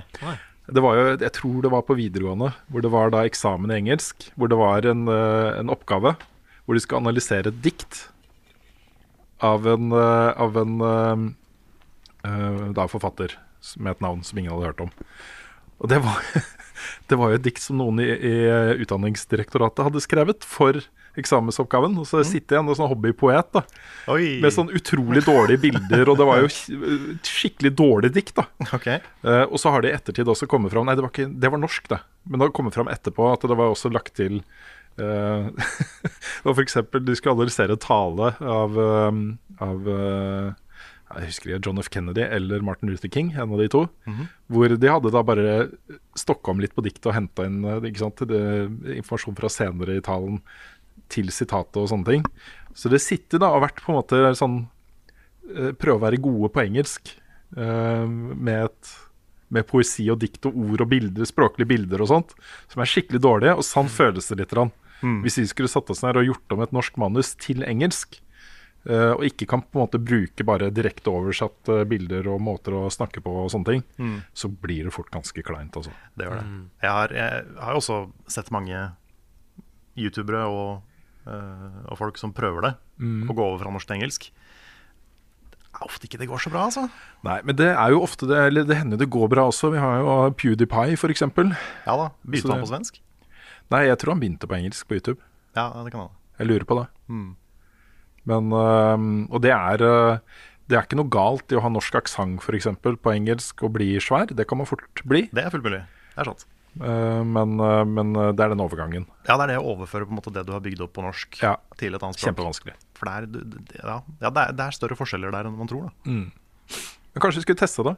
Ja. Men den ting vi burde, burde gjort, sånn faktisk, det er eh, Da måtte vi hatt en person til å gjøre det, da, og det har vi jo ikke. Men tekstet på engelsk. Kunstig intelligens. Nei, men det, det, det tror jeg er veldig lurt. Mm. Vi har, jeg tror det eneste som er teksta på engelsk, er Noscope sesong 1. Ja. Det, det teksta jeg på engelsk. Ja, jeg teksta også den derre um, Ja, den eh, Skills-reportasjen. Ja, Trials-videoen. Stemmer det. For den hadde jo plutselig et internasjonalt publikum. Mm.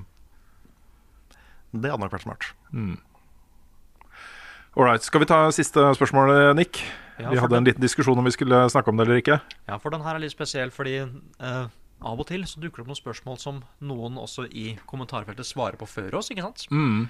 Men den her har tatt litt mer av enn vanlig. Og Ja, det ble en lang diskusjon. Ja. Mm. Fordi på discorden vår så er det en som heter Swagency, som spør. Gullalderen til gaming er interessant å diskutere. Og for min del så var gullalderen fra rundt 1995 til 2011. Med et par unntak som 2017 og 2018. Hvilken periode mener dere gullalderen begynte, til den tok slutt? Altså, jeg satt og fulgte litt med på den diskusjonen. Mm.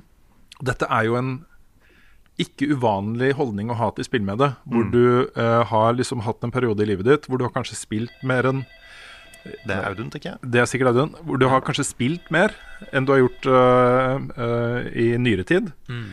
Og hvor en del av de derre formative spillopplevelsene har kommet litt mer sånn på løpende bånd. Um, I tillegg så har spillmediet vært i en sånn utvikling hvor noen av de spillene som kom ut, har vært mer revolusjonerende enn det som kommer ut i dag, kanskje er. Også hvor hele sjangre ble funnet opp. Eller funnet Eller uh, Hallo, Audun. Vi sitter og tar opp podkast. Du ankommer midt i sending. Perfekt. så, så jeg er enig i at liksom, det er perioder i spillhistorien som har vært mer tettpakka med revolusjonerende spill. Men holy moly, altså, så mye bra som det kommer ut hvert eneste år. Hvert Mm. eneste år er det noe nytt og kult, og ting som, eh, spill som gjør ting annerledes. Flytter grenser. Bare i år har vi hatt Tears of the Kingdom og Dredge.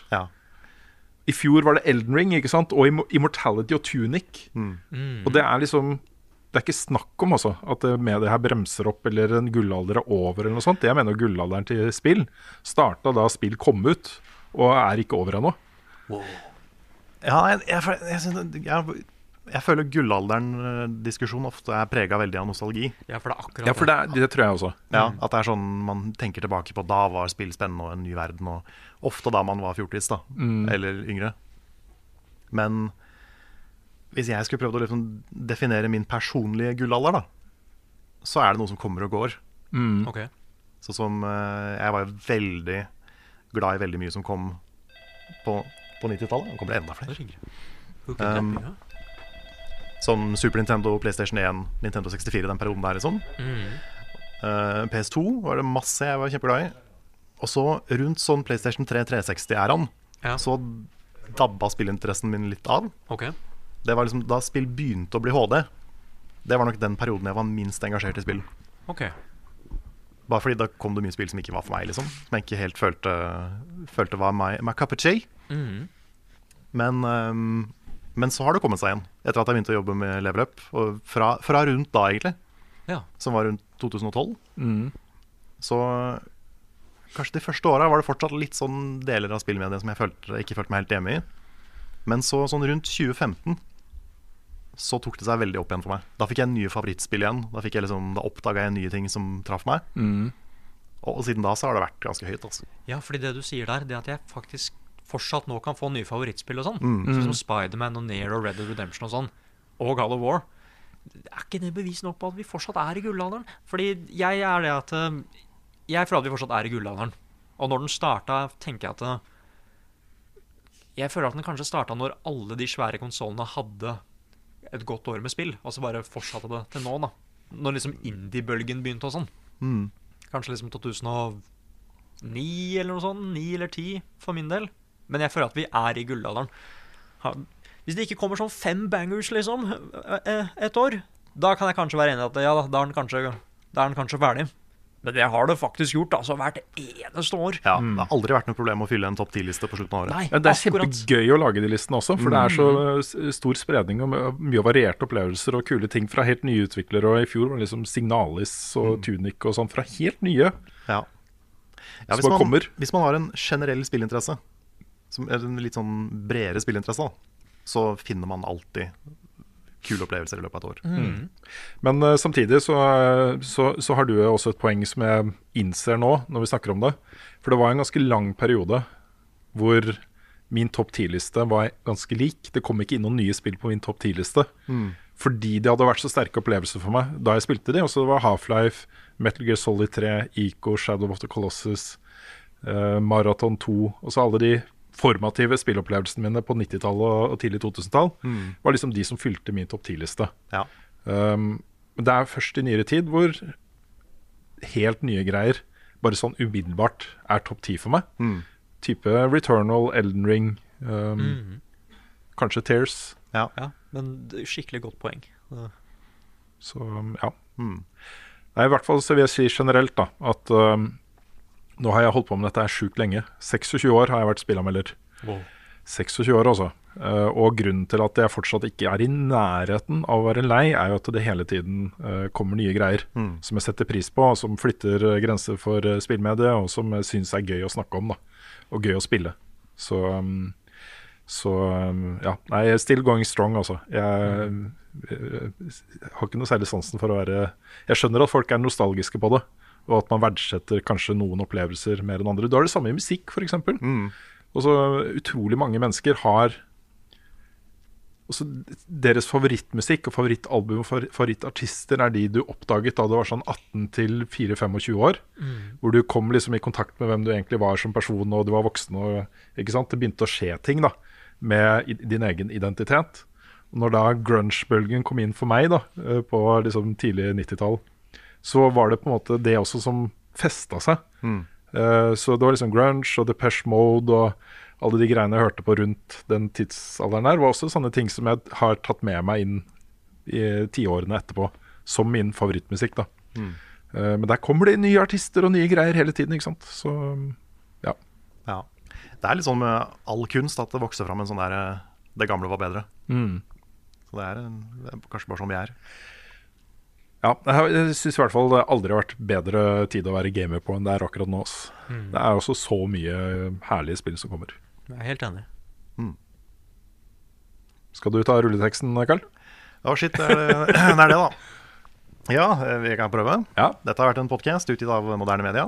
Låten i introen og outroen er eh, skrevet og eh, orkestrert Er skrevet av? av Ole Sønne Klarsen. Jaha. Og da orkestrert og framført av Kyosho Orchestra. Stemmer. Um, vignettene lagd av fantastiske Martin Eifjord. Oh, yes. Som spilte live på Tilcast. Det var kjempebra. Ja, det var kult. Um, du finner alt vi lager på så å si da, på youtube.com slash levelupnord. Du kan backe oss på Patreon, patreon.com slash levelupnorge. Det setter vi kjempepris på hvis du har mulighet til det. Det er fortsatt en utrolig viktig del av, eh, av eksistensgrunnlaget vårt, det der. Altså. Det er det. det. Tallet har gått litt ned i det siste. Vi er litt stressa på det, kanskje. Så håper vi at det går litt opp igjen. Mm.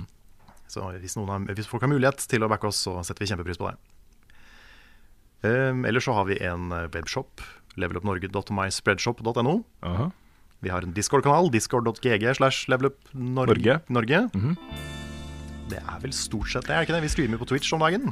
Eh, Twitch.tv slash levelupnord. Der Mhm. streamer vi hele helga med svære konferanser, nyheter om spill. Så følg med på det. Få med deg fei- Feir etere sammen med oss. Vi kan kaster penner og koser oss. Så come join us. Mm. Det er engelsk, og det betyr 'kom og bli med'. så, eh, så ja, det tror jeg var alt. Takk for at du hørte på, og så ses vi igjen snart.